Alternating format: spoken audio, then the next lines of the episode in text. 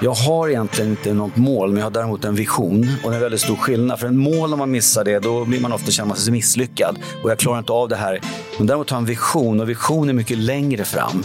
Den finns hela tiden kvar. Och jobbar du med din vision, då kan du aldrig misslyckas. Dagens gäst är en välkänd profil bland den lite äldre publiken, men många av de yngre träningsintresserade människorna trampar i spåren av vad denna person har skapat. Träningssverige som ligger i framkant i världen hade aldrig sett ut som det gör idag om det inte vore för den här personen. Framförallt hade inte intresset för styrketräning varit så allmänt utbrett som det är.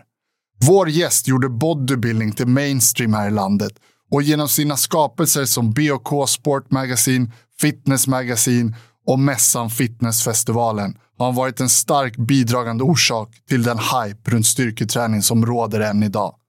För oss brottarbröder är han framförallt en person vi förknippar med ett fantastiskt mindset. Oavsett utmaning så verkar han alltid hitta rätt tankar för att ta sig igenom, framåt och uppåt. Han är en multientreprenör som kommer kunna ge många tips för att lyckas med det man tar sig för. Dessutom hur man trots 60, 66 år fyllda kan se ut och hålla formen som en vältränad 25-åring. Dagens gäst har också varit med om fruktansvärda och tragiska saker, men med ödmjukhet och framåtanda så sitter han ändå här idag, stark och positiv. Låt oss välkomna personen som många känner till, men få egentligen vet något om. Han sitter på en otrolig historia och kanske kommer det finnas ett före och ett efter hans medverkan här i Brottarbröder. Låt oss välkomna dagens gäst som vi både fascineras av och ser upp till. Entreprenören, träningsprofilen och människan Ove Rytter! Vad säger du om det där Ove? Väldigt fint, tack. Um, det, är, det är ganska roligt när någon ska försöka sammanfatta vem man är. Uh, men uh, jag tackar för det. Jag ser att du blev rörd Ove. Lite grann faktiskt. Ja. Vissa bitar i det där är ju ganska känslosamma också. Så att, uh, men det känns uh, trevligt att vara här. Jättekul att ha Se om man kan bidra med någonting i er podd. Vi är otroligt stolta över att ha det här Ove. Och, eh, genom åren så eh, har ju du också eh, blivit en väldigt stark vänskap. Eh, och vi har varit med både upp och nedgångar tillsammans. Så att, superroligt verkligen att ha det här. Tack för det. Och där vill jag också säga att jag brukar få frågan ofta sådär av media genom åren. Vem är din förebild och har du någon mentor och sådär. Och då försöker man ofta komma in på brottning och sådär. Men idag när folk frågar så är det faktiskt du. Och det är inte för att fjäska för att du sitter här, men jag tycker inte för det du har gjort, även om du har uppstått eller uppnått väldigt, väldigt mycket, utan för den du är som person. Och ditt mindset är ju otroligt, som vi kommer att komma in på lite här också. Då. Tack Martin, du är mogen nu, så att eh, du bör uppskatta riktigt mogna råd. Precis, man ja. behöver en vägledare där ute. Ja, kanske är så. Ja. Vi ska börja med som vi brukar. Vi brukar alltid bjuda våra gäster på antingen en riktig stänkare som innehåller alkohol, som sakta men säkert kommer att bryta ner både kropp och själ. Eller så gör man som mig och Jimmy och tar en eh, grön drink från One Fits All som innehåller 43 verksamma ingredienser från växtriket som, eh, ja, som vi tycker boostar energi och hälsa. Får att må bättre. Ja, en riktig stänkare, Ove. En, absolut. Jag, jag, jag testar den gröna varianten. Ja, det gör det. Ah, okay. det var väl inte så länge man inte blir ser ut som Kermit the Frog efteråt. Men grejen är att vi är jätteglada att ha One Fits All som samarbetspartner. Och det är ju så här, ibland stöter man på produkter som eh, ja, man inte kan stå för riktigt. Men det här är ju ekologiska ingredienser. Och eh, med rabattkoden Lidberg så kan man gå in på onefitsall.se och så har man 300 kronor rabatt på alla de månaderna som man väljer själv att prenumerera på. Då får man 32 dagsdoser hemskickat så här varje månad. Så tar man en om dagen. Så det är faktiskt en riktig mm. superprodukt. Verkligen. Okej, vi kastar oss in direkt Ove. Och vi börjar med den 8 december förra året. Det är ungefär ja, två och en halv månad sedan ungefär. Något sånt mm. där. Eh, och du går, eh, ja, du är i Hötorget, går ner för trappan. Det är en äldre kvinna, dam, som ska gå förbi dig. Du flyttar lite åt sidan. Hon tackar, nickar. Du nickar tillbaka och tror att du har gått ner för trappan och ska ta det sista steget, mm. men kliver rakt ut i luften. Mm. Kan du berätta vad som hände?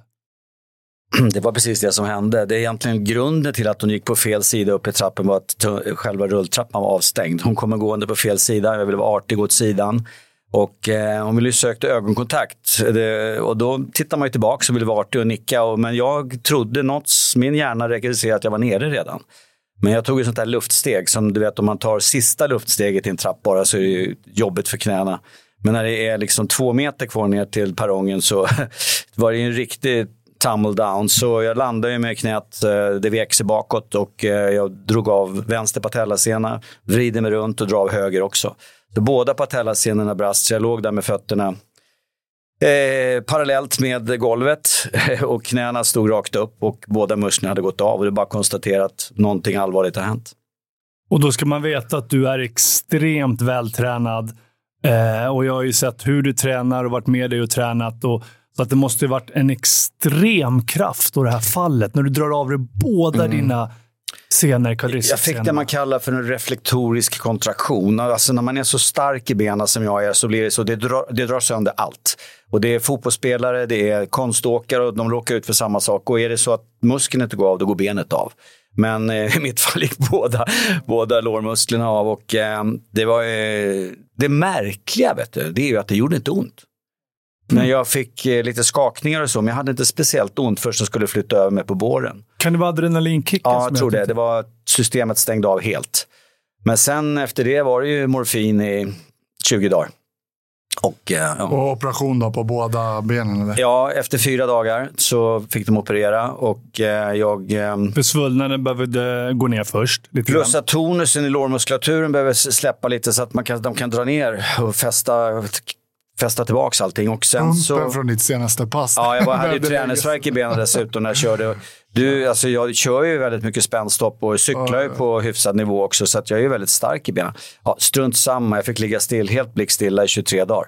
Och eh, det var inte roligt. Hur lång tid tog det Ove innan tränings... Liksom, jag vet ju själv, man, man blir ju galen liksom, mm. bara man är still en dag. Och hur tänkte du när du låg där de här 23 dagarna? Eftersom båda benen var i så kallade ortoser, spikraka, så kom jag på ett sätt att aktivera mig lite grann i alla fall. Det var när de skulle bädda sängen.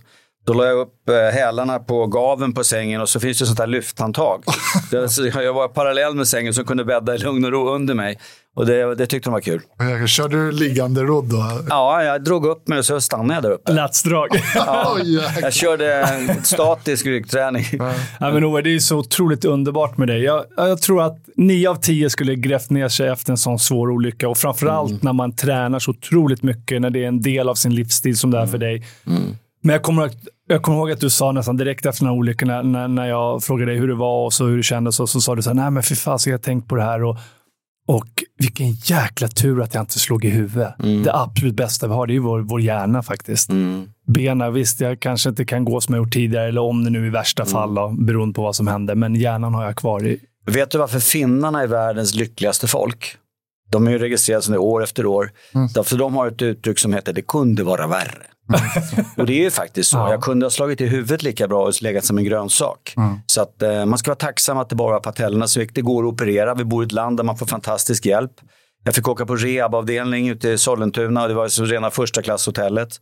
Eh, helt fantastiskt. Eh, och sen hade jag tyvärr oturen att jag fick en infektion i vänster knä. Just. Eh, så jag fick åka in igen den 23 december, öppna upp såret igen, kapa patellan, gå in under, spola rent allting, sy tillbaks och ligga ytterligare då fram till nyår. Så att, eh, ja, då var man inte kaxig när man kom hem. Jag gick ner 10 kilo eh, och levde på sjukhusmat och normalt sett käkar man mycket protein och väldigt bra mat. Mm. Jag åt allt och det, var, det kändes, då, när jag kom hem på nyår där, då kände jag mig inte kaxig kan jag säga. Men en sak på, på tal om mindset, när jag låg där på den här perrongen och båda fötterna åt varsitt håll så tänkte jag så här. Har det inte svidit? Jag, jag körde ju Cykelvasan eh, i augusti. Då, sista 1,4 milen så sved det lite i patellerna. Då tänkte jag så här, de kanske var lite skadade innan, det är nog rätt bra. Nu får de sy fast dem ordentligt. ja, det nämnde du. ja, alltså för att någon, man får försöka hitta det positiva i, i, i det här enormt. Det här definierar ju lite hela liksom, din karaktär och mindsetet och det här att alltid se på liksom, den ljusa delen av och hitta mm. liksom, drivet. Har är det här någonting som alltid har funnits med? Ligger det i ditt DNA eller är det någonting som du kan, så kan reflektera över att det har format dig genom att du har varit med om de här, de här grejerna? Eller? Jag tror att det är min idrottsliga karriär som har gjort mig ganska ödmjuk inför andra människor och ödmjuk inför min egen ofullständighet. Alltså, jag är ju budokille från början, judo, höll på med judo, tävla på landslagsnivå i många år. Jag menar, där får man ju väldigt respekt för andra människor, man får väldigt respekt för sig själv, man blir bra på att passa tider, eh, man är liksom, och hela det här att eh, vara positiv, om man ska ta det som kanske en av mina basegenskaper som jag är väldigt glad över, det är något som är väldigt viktigt när man är entreprenör också. För kan du inte entusiasmera din omgivning, då kan du inte driva ett bolag överhuvudtaget. Du måste liksom vara, hitta de enkla lösningarna, de snabba lösningarna, de schyssta lösningarna. Uh, och i en bra affär, en bra affärsidé och en bra entreprenöriell karriär ska alla runt omkring bli nöjda. Det är, det är väldigt många som blir giriga eller det ska gå för fort eller man vill säga halvlura någon. Det ligger en i, i bagaget längre fram. Man måste liksom vara ärlig mm. och eh, köra hårt liksom, men på ett schysst sätt. Sen utöver det här att du har ett väldigt speciellt och positivt mindset, eh, starkt självförtroende skulle jag vilja säga, eh, så tycker jag att du är väldigt, väldigt duktig på att sätta upp mål och verkligen eh, planera hur du ska nå de här. Du är väldigt saklig. Så här. Du har alltid en plan för hur allting ska uppnås. Och du vill hela tiden utvecklas hela tiden. Vad kommer det här sig? Liksom, har du präglats av dina föräldrar eller också från idrotten? Eller vad? Alltså, jag skulle vilja säga emot dig lite grann där. Jag har egentligen inte något mål, men jag har däremot en vision. Och det är en väldigt stor skillnad. För en mål, om man missar det, då blir man ofta känner man sig misslyckad. Och jag klarar inte av det här i träningen den här månaden. Eller jag kommer till det här resultatet med bolaget. Men däremot har en vision och vision är mycket längre fram. Den finns hela tiden kvar. Och jobbar du med din vision, då kan du aldrig misslyckas.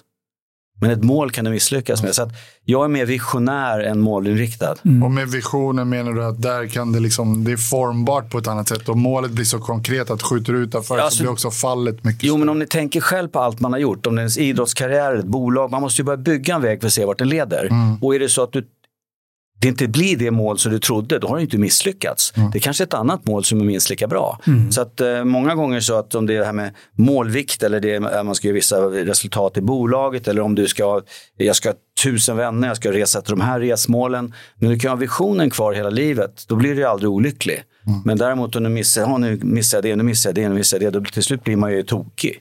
Och just det, det är så intressant när man kommer in på det här med tankar. Alltså tankar är ju vårt liksom, mående och hur liksom, olika personer tänker olika tankar inför samma situationer och på så sätt eh, antingen mår bra i en situation eller mår dåligt i en situation. Alltså just det här klassiska med att man kanske oroar sig för någonting som 19 gånger av 20 inte ens kommer hända och så har man eh, spenderat jättemycket tid eh, av att oroa sig. Så att, hur, hur känner du där Ove? Hur, alltså, vilka tips skulle du ge för att liksom må bra? Mm. Eh, rent, eh, rent mentalt. Har du, har du haft problem med ditt mående också? Eller har det här positiva mindsetet präglat att du har eh, kunnat ta dig igenom livet och mått jäkligt bra också? Mm. Eller? Jag har mått dåligt två gånger i mitt liv. Eh, första gången var 1994 när jag var i USA. Åkte dit som nyhetsreporter för en egna tidningar då och skulle göra reportage. Och jag hade en diger lista med kända namn jag skulle intervjua och en efter en bokade av.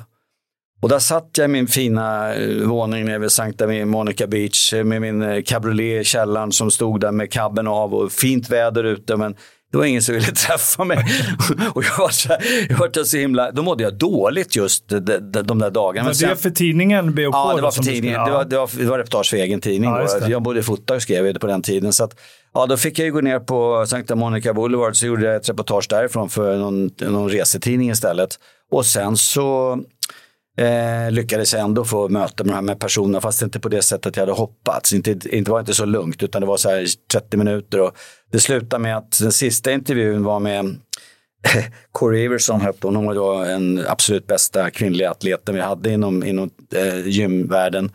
Hon hade inte tid och det var nya boliner hela tiden. Så jag tog reda på vilket gym hon tränade på. Så gick jag dit och så ställde jag mig på löpbandet bredvid henne när hon stod och körde sin cardio. och gjorde intervjun 30 minuter. Det tyckte hon var jätteroligt. Så man får liksom försöka hitta lösningar. Ja. Um, ja, men du är ju väldigt lösningsorienterad. Men det jag ja. ville komma till det är att du alltid... Jag, får, jag upplever som att du sätter mål, men nu pratar du om mer om visioner. Ja. Men du, det är ju inte bara inom din egen träning, inom dina företag, utan mm. även ditt privatliv ibland. Mm. Eh, jag vet ju när du och Katarina, när, när din fru levde, då, mm. eh, Katarina, så hade ni till och med en egen livsstilsplan. Ni hade en mm. plan tillsammans. Alltså liksom, mm. Det här ska vi göra nu, inom några år. Det här ska vi göra när vi blir pensionärer. Mm. Berätta lite om den. Jag träffade Katarina 1978 från början. Hon gick på diskot och jag jobbade som eh, skötte garderoben. Jag gick på Journalisthögskolan då och eh, hon och hennes kompis gick där och jag var egentligen intresserad av hennes kompis. Men eh, många, många år senare då, minst sagt kan man ju säga, när vi var 50 plus båda två, så träffades vi igen. Och eh, jag bjöd ut henne till mitt landställe och eh, jag skulle göra en stor fest på Valborg och det var en massa folk och jag hade en relation då.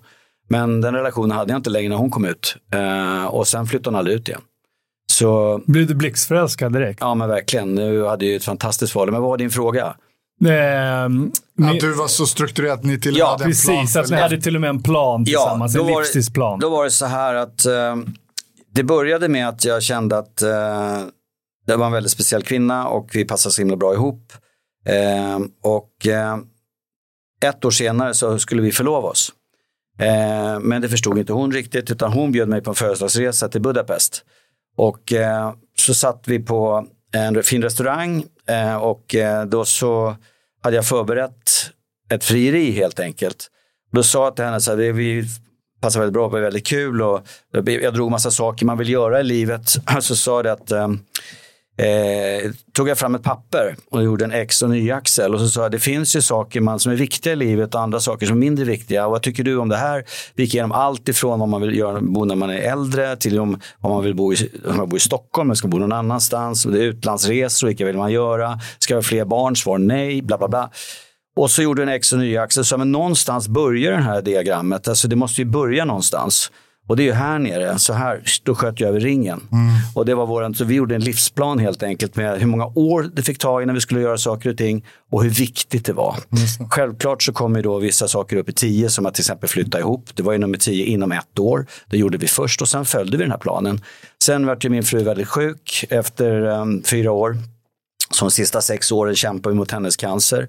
Men vi följde livsplanen, men vi kortade bara ner den. Vi hann med, vi var i 18 länder på 10 år. Vi ska komma in lite mer på Katarina sen, ja. men jag tänkte just det här återigen, för vissa kan det här låta som att Eh, finns det ingen spontanitet alls? Alltså, gör man en plan till och med? Ja. Men när du visade den här, för jag fick ju se den, så tyckte ja. jag att liksom, fasiken var smart.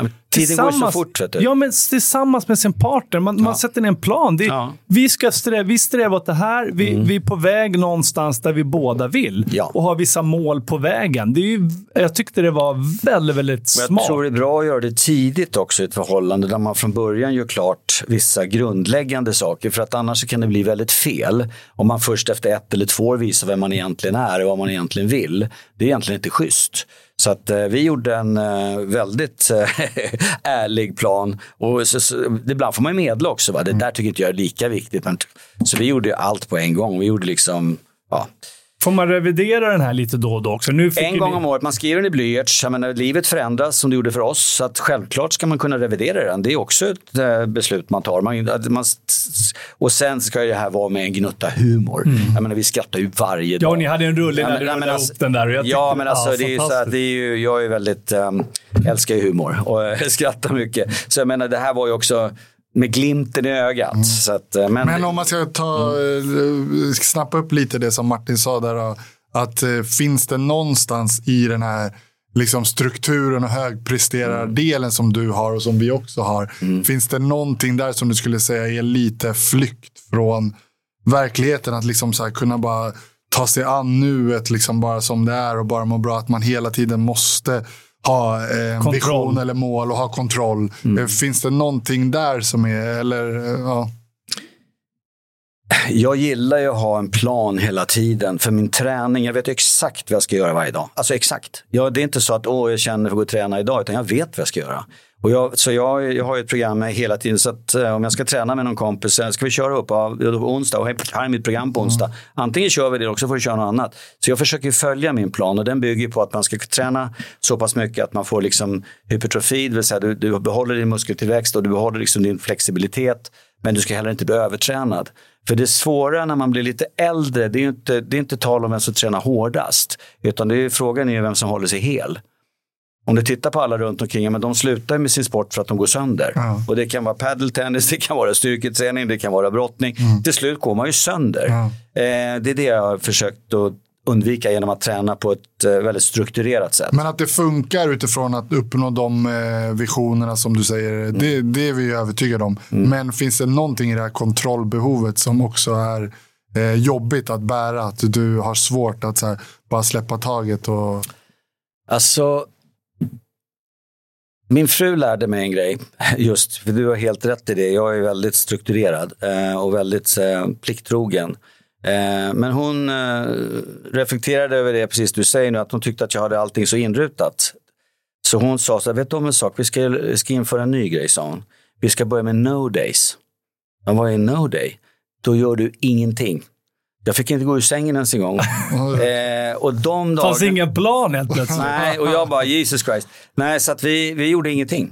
Eh, kolla på film, låg och mös, eh, käka i sängen. Och de dagarna kommer jag ihåg mest.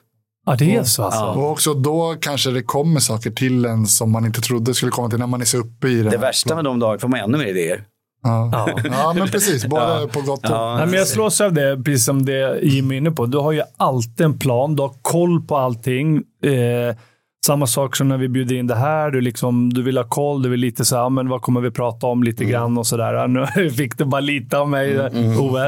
Eh, för att vi vill ha lite spontanitet också. Då. Men, eh, men det kan vara så som du säger, att det kanske är bra att, att ha de här dagarna. Men jag no tror det här days. är balansgång. För vi träffar ju många framgångsrika människor och Mm. framgång är ju såklart ett def definitionsbegrepp. Men det här känner man ju igen och man känner igen det i sig själv också. Att så här, och jag tror att det måste finnas med om man ska lyckas med någonting. Liksom, Mm. som man har, eh, då behöver man vara strukturerad. Man behöver ha en plan.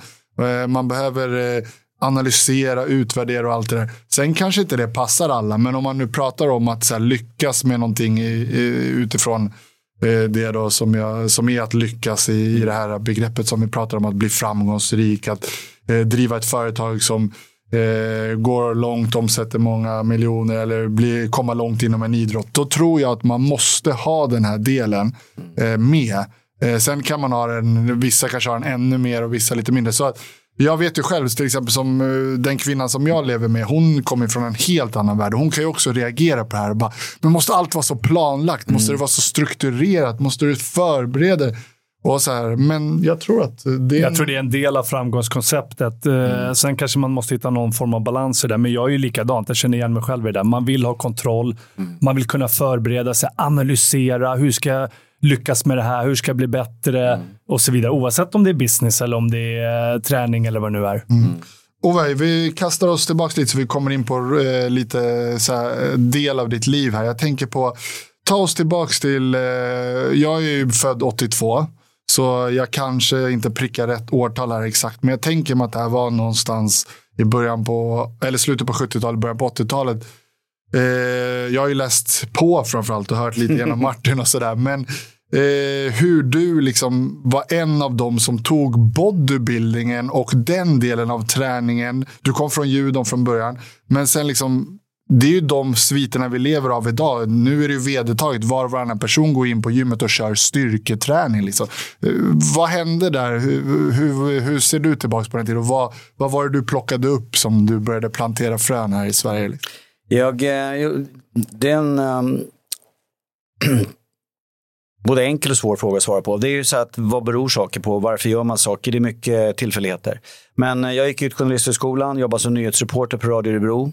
Eh, fick, jag hade gjort min sommartjänst där, eller rätt sagt min praktik där och så fick jag en tjänst. Eh, och då lärde jag mig vad deadline är. När gröna lampan tänds när jag ska läsa morgonnyheterna, då gäller det att kunna säga någonting.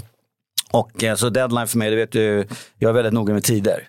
Jag gillar inte folk som kommer en kvart till 20 minuter till en 30 minuter för sent. Jag tycker det är leka med andras tid. Hörde du det nu brorsan? Ja, ja men det... Ja, men jag, Ja, du lyckas Hörde med det här. Jag får vänta varje Fråga morgon. Nej, nej, nu ljuger han. Nu pratar han inte ärligt. Ja, men det har alltid varit viktigt för mig och det är nog sedan den tiden det har blivit extra viktigt. Men hur som helst så, ehm, började jag köra styrketräning då när jag, eh, jag höll ju på, eh, när jag, tävlade i judo, så när man började möta öststatsatleterna och de här, då märkte man att jag måste börja styrketräna. Så jag började köra i tallkrogen när jag var 14-15 år, började styrketräna. Och eh, eh, jag tyckte det var väldigt kul. Eh, jag hade väldigt lätt, för, eller ja, inte lätt, men jag tyckte det var roligt. Jag körde mycket styrketräning och sen då när man började på högskolan så började träna på Örebro kraftsportklubb och jag tyckte det var jäkligt skoj. Och 1978 då så ställde jag upp i Sveriges bästa atlet, hette en tävling i Göteborg. Och jag hade ju liksom aldrig, jag visste inte riktigt vad det gick ut Hur gammal var du då? Eh, eh, då var jag så 21. 21? Ja. Och då kom jag tvåa i den. Och eh, det var ju kul. Vad var det? En massa olika grenar? Nej, det var faktiskt bara det var bodybuilding. Ja, det var det. Fast Både. alltså en Ja. nybörjar. Ah, okay. Men eh, jag hade ju alltid haft väldigt, så här, jag har ju aldrig varit stor. Eh, jag är ju liksom en ganska liten kille, men jag har ju varit bra symmetri. Vad sa vi? Vilket år var vi på? Här? 78. 78? Ja, Ah, sen okej. tävlade jag på SM i bodybuilding 79, kom jag trea. Sen tävlade inte jag förrän liksom 20 år senare. Eh, men hur som helst, så jag har alltid tränat. Det har varit min ventil. Men så att jag kom in på det här med styrketräningen tack vare att jag fick den här idén. Det fanns en tidning som hette Hercules som gavs ut av en kille som hette Ingmar Fransén ute i Upplands Väsby. Men det var egentligen bara en katalog för hans proteinpulver. Och det var ju som, såg ut som en lekskoleklass hade gjort den. Och efter att ha gått ut journalisthögskolan så kände jag att det med tidningar var rätt kul. Så mm, jag började luska runt lite grann och fanns någon som, jag hade inga pengar. Och någon som var intresserad och stötte på en kille som hette Ingmar Dahl. Han eh, drev lite postorderverksamhet inom styrketräning, sit och träningsmaskiner. Och vi började snacka om det här så att vi startade ihop.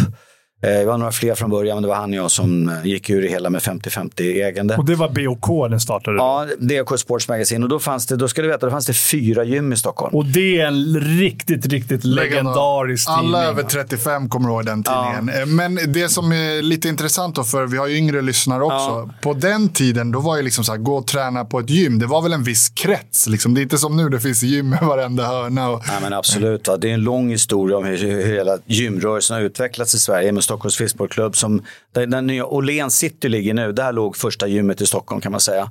Och eh, då på den tiden så var det ju atleter och trixare. Alltså det var, de tränade ihop. Det var gymnastkillar som stod så tablågymnastik och så var det de som körde med skidstänger. Och de kom aldrig riktigt överens. Sen så startade man renodlade gym. Eh, och då, som sagt, när jag startade så var det fyra stycken. Och sen skulle det, det skulle starta ett femte. Då kommer jag ihåg att Malte Rellus kom in som ordförande i Svenska kroppskulturförbundet. Och så, ah, ett gym till, så nu är det överetablerat.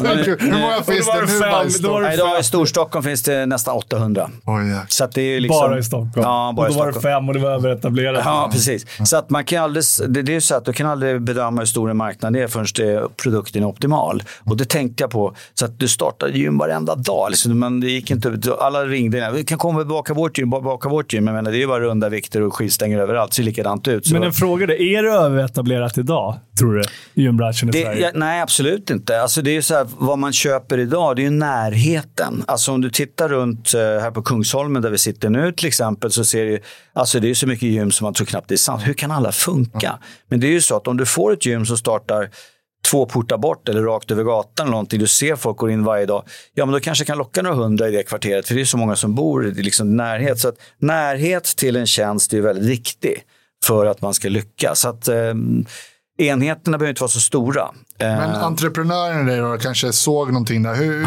Den här klassiska eran med Arnold och det där. Ja. eh, Hade det börjat, det blomstrade borta i USA eller? Jag träffade Arnold första gången 1978 eh, i Köpenhamn. Jag gjorde en intervju med honom och som jag sålde då till den här Hercules-tidningen. Och eh, jag såg ju utvecklingen i USA. Eh, och jag fattade att det här kommer ju komma hit också. Så den idén började gro lite grann 78 där. Sen gick jag journalisthögskolan, gick ut, eh, gjorde min praktik där som radioreporter och sen, så, sen drog jag och Ingmar igång. Och vi eh, mejlade ut prenumerationserbjudande på hans eh, register för sådana som har köpt styrketräningsgrejer. Jag tror han hade 5-6 tusen namn. Och vi fick nästan tusen prenumeranter med en gång. Oj. Eh, ja, men det, var, det fanns ju ingen Google. Nej, nej, nej, nej. Jag var i branschens Google plötsligt, för jag gjorde ju det här pressbytt då, så att jag skrev ju alltid allt skvaller. Satt ju med telefonen och ringde och det var fax och Så att det var ju bara ut och fota och... Du Jag hittade en marknad som, eh, Inte en helt fanns. ny, ja, som inte fanns. En helt ny marknad. Det är det här jag tycker är så fascinerande och därför jag tror att de här, jag sa det lite i min ingress här också, att det är en hel generation som har tagit det här för givet. Att liksom så här, det är en del av vår rörelse att gå till gym, träna styrketräning. Och hade det inte varit för dig och några andra där ute så hade förmodligen Sverige varit där många andra länder är ute i Europa, så alltså, kanske 15 år bakåt. Ja, Eh, det, det jag gjorde då, jag tänkte så här från början att nu ska vi ha hög kvalitet på innehållet. Det ska bli en journalistisk produkt. Jag säljer inga kosttillskott, inga träningsmaskiner. Jag säljer, jag säljer absolut ingenting. Jag säljer bara kunskap. Och då så tog jag kontakt med docent Per Ters på Karolinska institutet som är världens främsta muskelfysiolog. Han fick börja skriva. Jag tog kontakt med de bästa nutritionisterna för jag kan ju inte allt om det där. Så att jag tog de bästa skribenterna från varje område, samlade ihop dem, de fick sina sidor. Jag samlade ihop skvallret, vi började göra reportage om profiler i branschen. Vi började trycka i fyrfärg, för det fanns ingen i fyrfärg på den tiden. Det var gam- Men så fort jag gjorde en fyrfärg, då gick den andra tidningen också ut i fyrfärg. Men det var fortfarande lika dålig layout.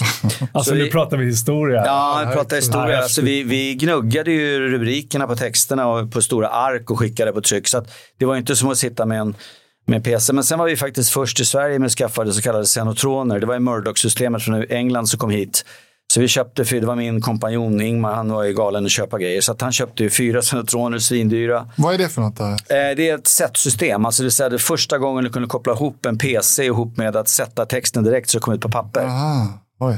Ja, det- I tryckfärdigt. För tidigare har vi skickat iväg texterna Ja, till ett sätteri. tryckeri. Ah, okej. Ett sätteri. Ah, så- Ja, först sätteri Aha, okej. och sen så Ja. gick det tryckeriet. Så att det var en jäkla process. Va? Men tog marknaden i fart direkt eller fick ni jobba hårt för att det skulle, liksom, skulle börja sälja Alltså, först, tidningar? första fyra åren jobbade jag parallellt med andra grejer för att kunna försörja mig. Eh, Så jag jobbade, gjorde i tidningen första året tre, fyra utgåvor, sen vart det sex, sen vart det åtta och sen vart det månatligt. Då. Sen drev jag den i 27 år.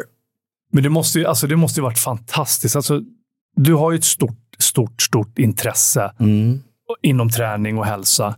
Och få jobba med det som man, liksom, sin passion, det man Mm. älskar för. Det, du måste ju ha haft en fantastisk yrkeskarriär. Det är väl nog lite svaret på din tidigare fråga också om hur man mår. Jag har alltid mått så fruktansvärt bra för jag älskar, vad jag studsat upp varje morgon, varit så kul att gå till jobbet. Jag har aldrig någonsin tyckt, gud vad tråkigt att gå till jobbet. Utan jag har alltid studsat upp, nästan haft tävling med mig själv hur lång tid det tar från att går upp ur sängen till jag kommer ut genom dörren. Jag till och med käkar frukost samtidigt som jag pinkar ibland, för jag tycker det var så kul att komma iväg. Ja, men man, alltså man blir så glad när man hör, ja, men när man hör dig berätta det här. För jag, man hör ju hela tiden människor som går till jobbet, Mm. de vantrivs. Eh, majoriteten av tiden känns Mm. bara jobbigt. Det är för att man ska få sin lön på kontot. Och, Men det här är ju någonting som man verkligen har märkt på dig genom åren. Mm. Alltså du älskar, du brinner. Det finns sån otrolig alltså, passion för det här med träning och hälsa. Mm. Absolut. Och det liksom smittar av sig. Man blir glad i din omgivning av Sen träning tror jag och att det hälsa. finns en eh, annan underliggande del som är rent kemisk. Jag menar, du tränar ju också, och vilket bidrar till alla endorfiner som produceras när man tränar. Mm. Så du har ju både jobbat med någonting du tycker är kul, samtidigt alltid haft träningen och producerat de här Mm. ämnena. Så där är det ju kanske inte för, så svårt att förstå din lycka. Och, Och din, gillar att ha versioner och träning är någonting man hela tiden kan utvecklas. Man blir aldrig fullärd. Nej, verkligen. Och det är ju så att jag körde ju, jobbade ju liksom fulltid på dagen, gick och tränade vid fem, halv sex, käkade lite lätt, så gick jag och jobbade igen. Det är som man gick hem och la sig. Så jag jobbar ju väldigt, väldigt mycket eh, alla åren. Men om vi går vidare lite då. Du startade då tidningen. Mm. Eh, sen började du ge ut böcker Ja. dessutom. Mm. Effektiv bodybuilding. Det eller- var första boken, ja. Ja, som blev otroligt populär och uppmärksamma. Än idag så var och varannan har den här boken hemma. Ja, Jag, hade ju, jag byggde min egen lilla värld eftersom jag hade min egen distributionskanal för reklam för boken. Så jag hade ju en slogan som hette “Kosta mindre än en burk protein”. Och den kostade samma i 17 år.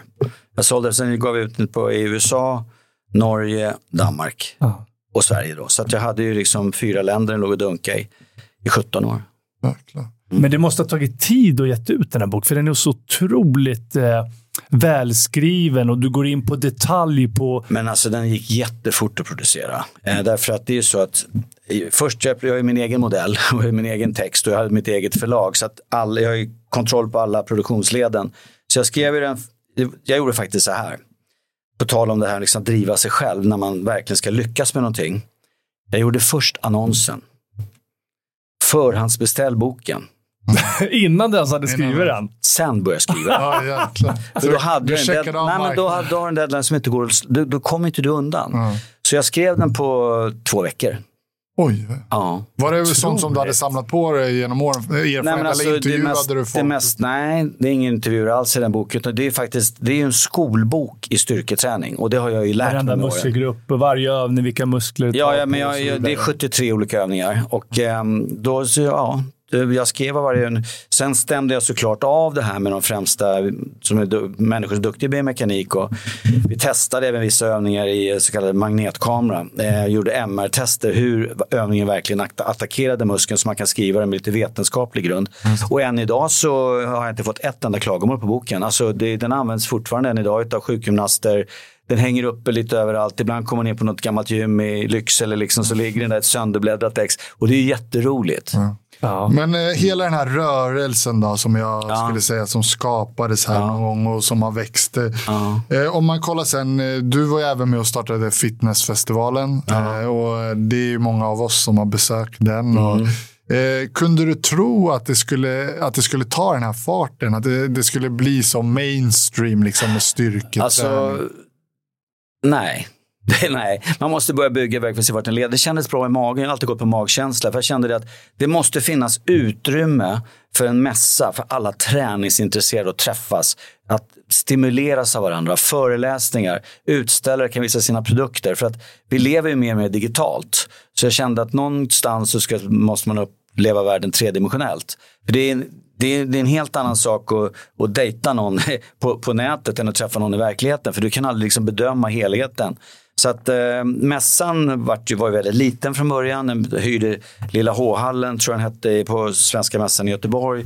Nästa år var det en hall till. Sen var det liksom, och grunden i det hela var att jag hade en nybörjartävling, en fysiktävling då, som liksom drog folk i botten. Så i början var det kanske 3-4 tusen besökare, så var det 5 000, så var det 10 000, så var det 15 000. Och sista året i Göteborg 2014 vi körde, det var det ju helt galet. Jag kommer ihåg när jag tittade ut genom fönstret och skulle gå och käka lunch. Jag tror tror det hade blivit en trafikolycka. Då var det kö från Svenska Mässan ända ner till Skandinavium Oj. med tredubbla led. Så det var ju helt knackfullt. Ja, vilken fabrik. Hur många år drev du den och vad hände? Sålde du? Ja, alla bolag jag har drivit genom åren har jag faktiskt lyckats sälja på ett eller annat sätt. Och den, just den köparen, det var helt otroligt.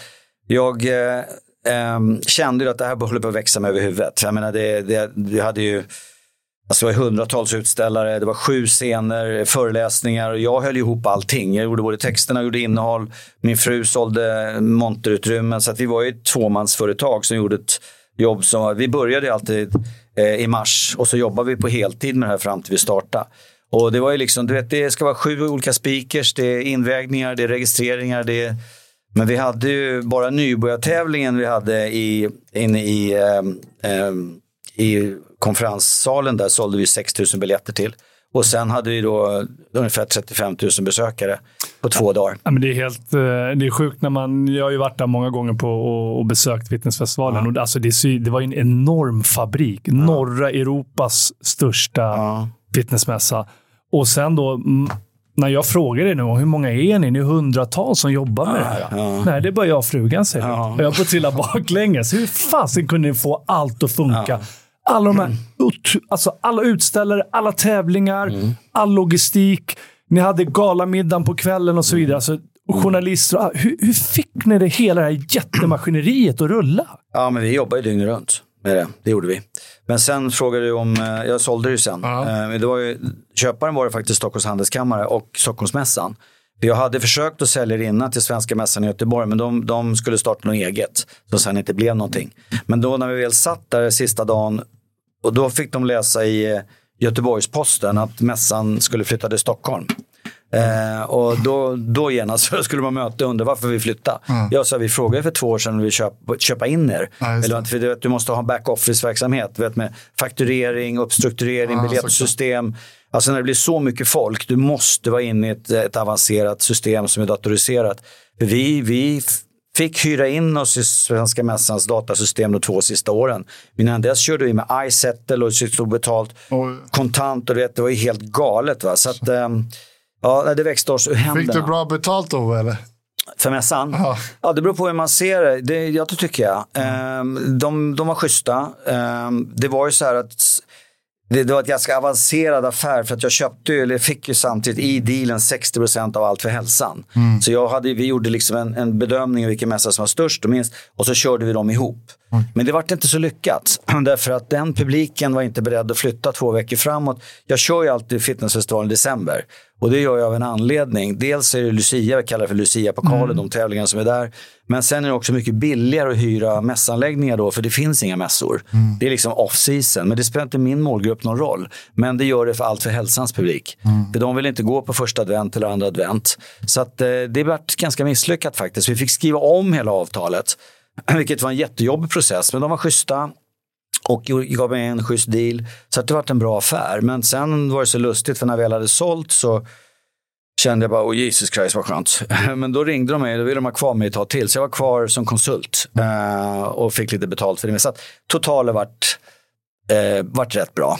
Och då flyttades alltså fitnessfestivalen från Göteborg ja. till eh, Stockholm. Stockholmsmässan. Ja. Hur går det för dem idag?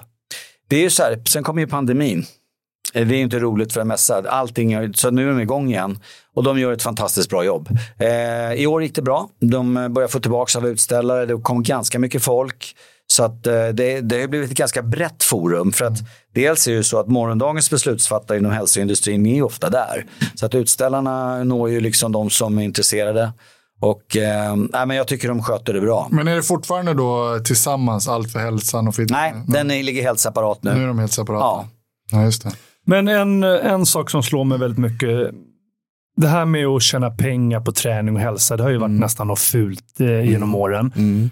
Väldigt få lyckas tjäna pengar på träning och hälsa. Det är ofta ett mm. intresse som man håller på med och sen har man mm. en liten sidobusiness som man tjänar lite pengar mm. som personlig tränare eller fysioterapeut. Men du har ju verkligen lyckats att kapitalisera på dina företag inom träning och hälsa. Vad är det du har gjort, Ove, som inte andra har klarat av eller de flesta inte klarar av? För det första kan jag skriva. Och det är en väldig styrka, man har all kommunikation. Jag menar, om du driver till exempel fitnessfestivalen, du ska fylla alla hemsidor, göra annonser, kommunicera. Och Katarina var också fantastisk på det. Snabba och rappa och skriva. Jag kunde dra 300 mejl om dagen. Eh, har en gång sagt till Katarina, idag har jag skickat 310 mejl. Jag har skickat 340 sådana och kört fyra blogginlägg också. så att vi var väldigt drivna. Och jag menar, är du snabb så får du väldigt mycket gjort. Eh, så vi, är du snabb så kan du driva det mesta. Eh, så jag tror att men det måste ju ja. vara något mer. Det kan inte bara vara att ni är duktiga på att skriva och att ni är snabba. Det, liksom, det måste vara någonting mer där du ser, alltså. där du kan tjäna pengar på träning och hälsa. För det är mm. inte lätt. Nej. Den första bra affären jag gjorde var i min bok. Jag ja. sålde ju nästan 100 000 ex av den. Och har du din eget förlag och du har din egen distributionskanal och tar 269 kronor för en bok i 17 år då kan ni själva räkna ut hur mycket pengar det blir. Så det var en bra affär. Det var grunden. Det var ju liksom grunden till att tjäna lite mer pengar. Startkapital. sen när jag sålde min första tidning 2007, då fick man fortfarande väldigt bra betalt för tidningar. Eh, och när jag sålde min andra tidning, jag har ju drivit många tidningar. Dagens Träningsindustri, Steel Magazine, Fitness Magazine, BOK Sports Magazine. Vilken eh, hade allra mest läsare och vilket år var det? Eh, självklart BOK Sports Magazine som nu heter Body. Den hade jag i tre länder. Mm. Så 1990 så gick ju eh, Predab, Pressens distributionstjänst i Eskilstuna i konkurs. Och jag trodde jag var en liten skittidning, liksom, för jag visste inte hur mycket de andra omsatte. Då visade det att jag var näst störst på den distributionskanalen Oj, bland 600 tidningar. Hur många gick det ut av per månad? Alltså vi, vi hade ju ungefär, eh, vi sålde totalt kan man säga kanske 60-70 000 tidningar. Vi hade ju 35 000 prenumeranter och så sålde, la vi ut kanske på till lösen med försäljning 40 000 och så har man viss returprocent på det. Mm. Och sen hade vi ju gym... Och så ett nummer som landade i affärerna då på den tiden var väl mest i Pressbyrån och sådana här affärer. Uh. Totalt sett i tre länder så kunde du sälja på ett eh, Eh, släpptes som en gång i månaden eller? Ja. ja och då, då såldes det upp mot 70 000 ex? Ja, så som i Finland, Norge kanske 14 och sen så var det Sverige då. Så att, eh, ja, kom upp där ungefär. Ja, så att vi, vi var rätt stora. Uh, och det fattade inte jag. Jag tyckte fortfarande det var en liten skittidning. Men det, det var jag och uh, någon så här... Uh, det var ju um, datatidning och datatidning som var större än oss. Sen var vi faktiskt två. Och det var jag väldigt förvånad över. Det slutade med att jag fick sitta i gruppen och försöka rädda allt det här. Eh, och liksom köpa upp konkursboet för att eh, vi hade ingen distributionskanal. Och då så det här på tal om att hitta lösningar. Alla var ju helt desperata. Hur ska vi nu få ut tidningarna? Alltså alla försökte komma över på, på, på Presam, den andra distributionskanalen. Men det var ju, de tackade ju nej till alla. Det var ju 600 tidningar som sak, saknade distributionskanal. Då fick jag en idé på, sönd- på lördagen. Undrar om det är någon annan tidning som ska komma ut på Presam som, som eh, inte eh, har kommit ut ännu, som man kan köpa. Så jag kollade runt lite grann, så var det en tidning som hette Allt om fritidshuset. Så jag fick tag i den killen. Och han sa, jag kommer inte hinna klart, så jag vet inte, jag kommer nog inte kunna ge ut den här tidningen, men jag kan köpa den av dig, sa jag. Vadå, det finns inget att köpa? Ja, men jag vill, jag vill ge ut min tidning, jag kommer kanske, jag vill ge ut den, byta namn på den. Ja, jag köpte den där.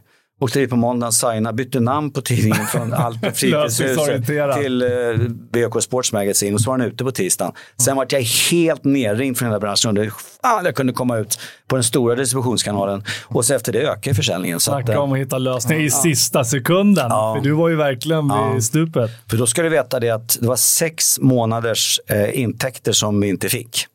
Och det var många, många miljoner. Och då, så då gjorde jag överens, kom jag överens med alla anställda, ni får vänta med löner. Jag fick snacka med eh, tryckeriet, de fick vänta med sin fakturering. Jag pratade med alla väntade. Alla förstod det här. Jag förstår.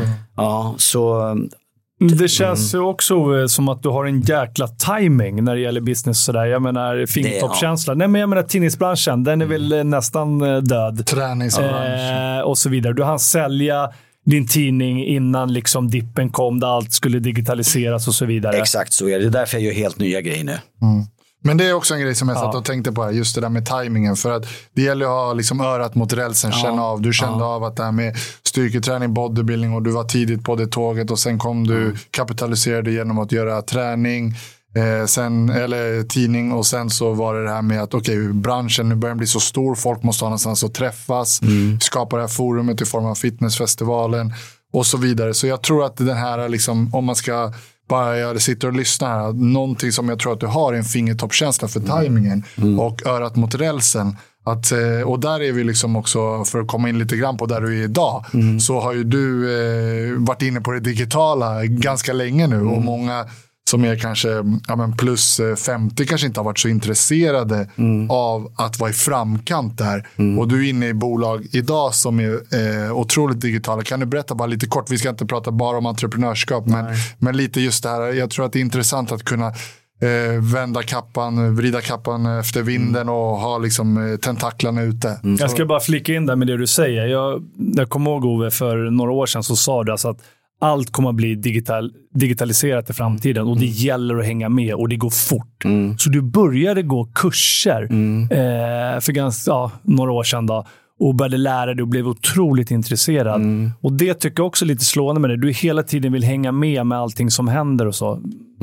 Du vill inte bli omodern Ove. Och det är lite samma sak med träning. Du vill eh, alltså, se bra ut och hålla dig fräsch. Men berätta lite om vad det här digitala. Då. Vad, hur hoppade du på tåget? Vad är det för bolag du är inne i nu? Och eh, lite kort då, om man kan hålla det lite kort. Vad är vi på väg egentligen? Mm. Det hela började egentligen med att jag varit irriterad på mig själv. Eh, 2014 där. Jag kände att jag hänger inte, alltså, jag tyckte det gick så fort det här med digital marknadsföring. Jag kände att jag kan inte det här.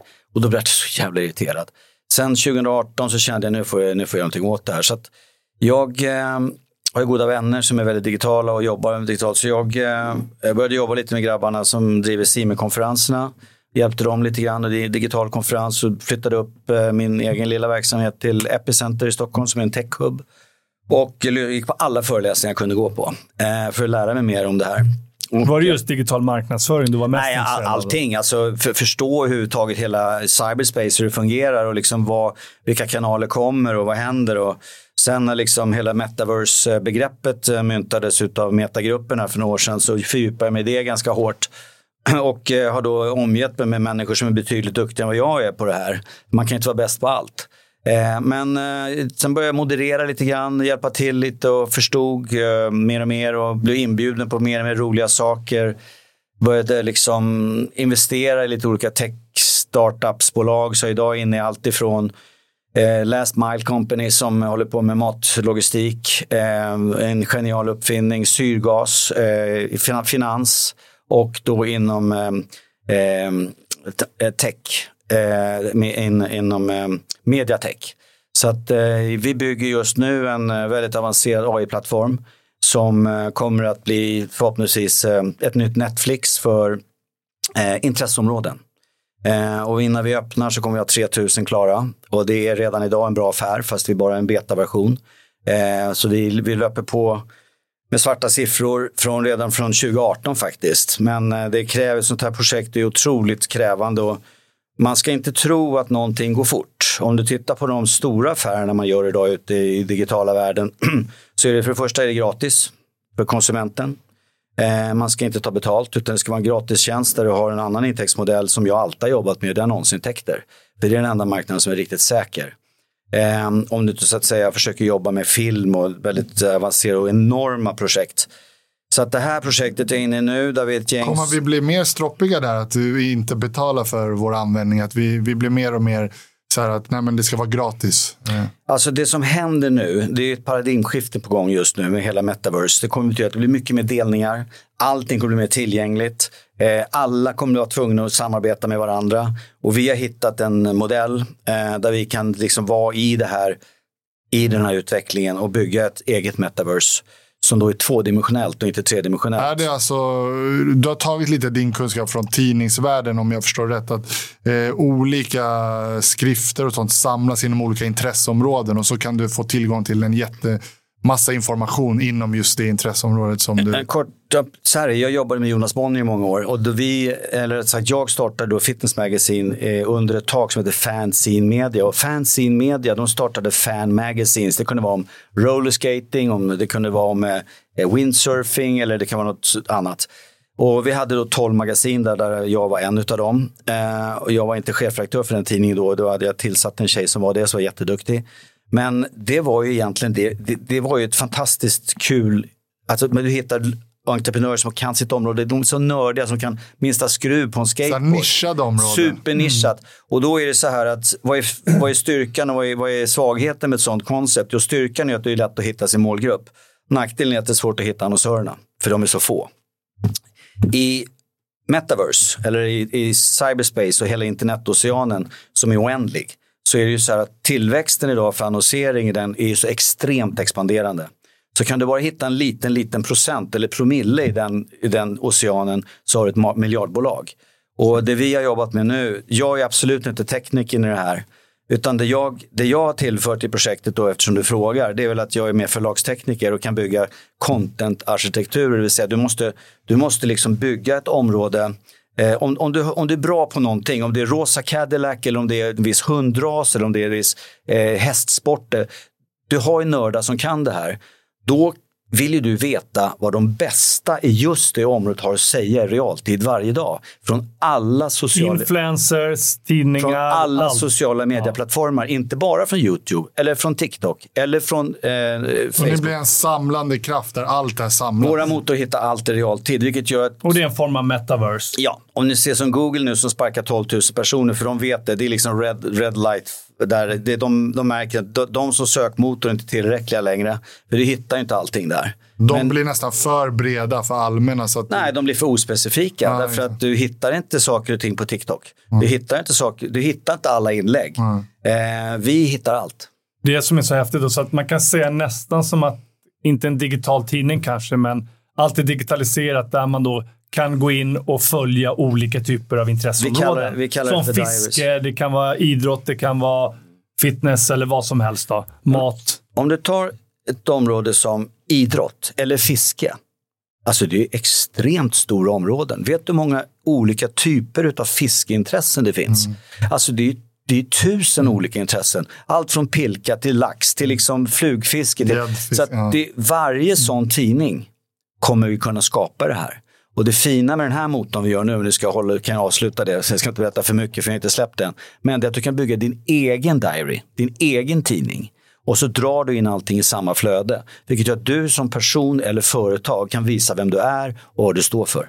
Ove, för att avrunda den här, ja. men eh, du har ju lite näsa för det här att kunna se in i framtiden. Och så, hur kommer det se ut då om vi ska inte nischa in oss på just eh, det som du håller på med nu så att det blir för eh, eh, reklamigt eller för specifikt där. Men bara rent allmänt, hur kommer samhället se ut och, och det här digitala med AI och det? Om, vad tror du om 15 år om vi tittar framåt 15 år? Vad kommer vara de stora skillnaderna om man ska försöka sammanfatta lite snabbt? Väldigt, väldigt mycket av utvecklingen kommer bero på eh, hur de som vill internetoceanen ont kommer att handla. Mycket kommer att handla om säkerhet. Om du tar allt ifrån eh, Instabox till de här som det står boxar överallt till exempel, som är en fantastisk idé för sig, men det blir inbrott i dem.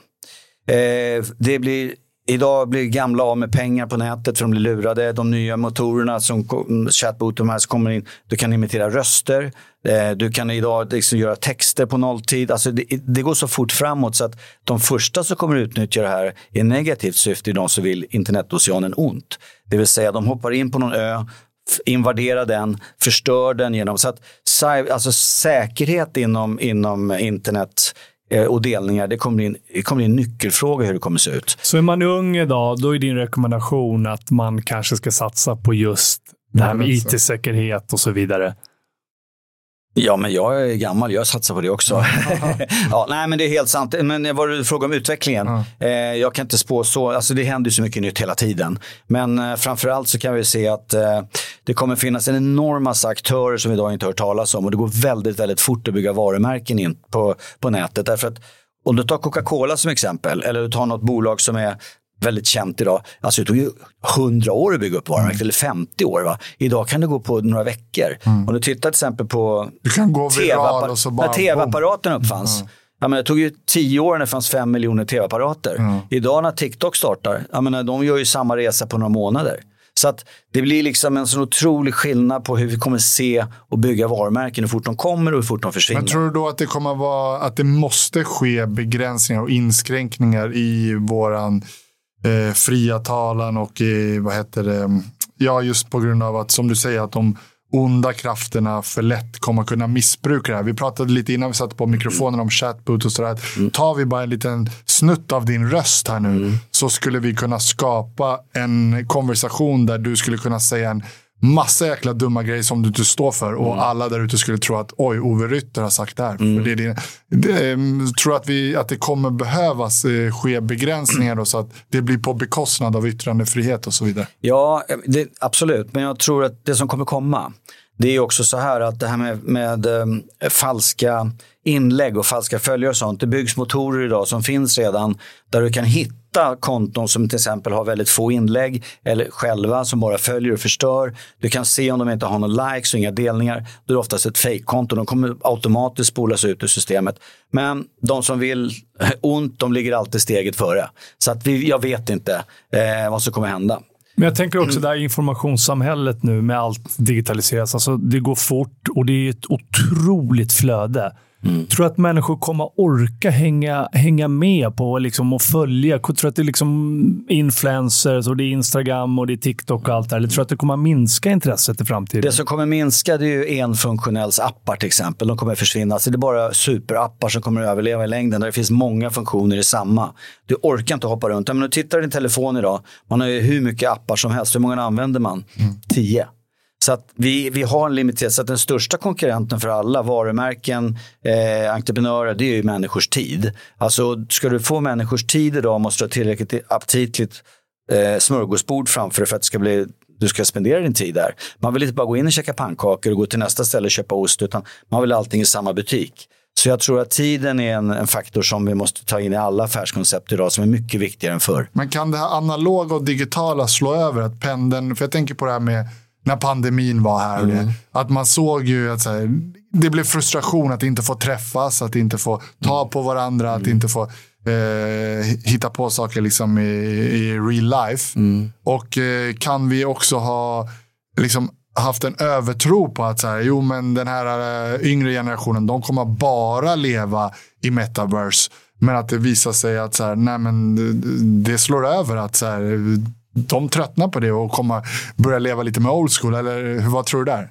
Jag tror det kommer bli, finnas utrymme för alla olika scenarier. Det är så att vissa människor is born to be outdoors, some indoors. Jag menar, jag ser bara mina egna barn. En del älskar att ligga hemma och bara sitta och spela. Någon älskar gymnastik. En håller gå på gymmet, vill bara träna på sportlovet.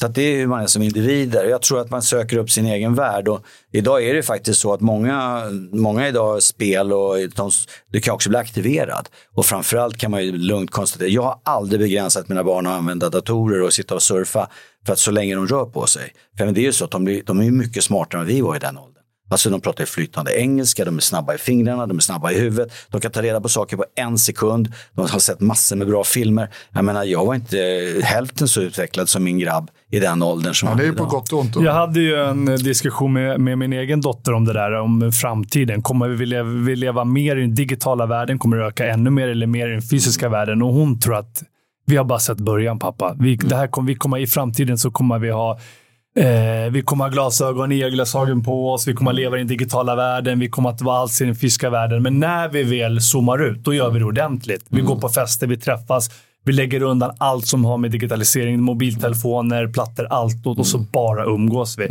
Så hon tror att det kommer att finnas kvar, men när man väl gör det så gör man det intensivt. Men annars så är man mer i den digitala världen. Men jag har ingen aning. Eller att det, det är intressant. Eller så kanske det blir tvärtom. Eller så kanske det blir att den riktiga... Back to basic. Att det blir lite mer eh, hybridvarianterna. Att man så här, hur kan, eh, precis som du säger, hur kan vi få det digitala att eh, korsas med det eh, mer analoga. Och där har vi någonstans att det kanske kommer att vara liksom mer normen. att ja, men Jag använder min eh, träningsapp när, men jag går ändå till gymmet. Eller, eller är det så att så här, nej, men jag kommer använda min träningsapp men jag kommer göra det med mina IR-glasögon hemma i vardagsrummet.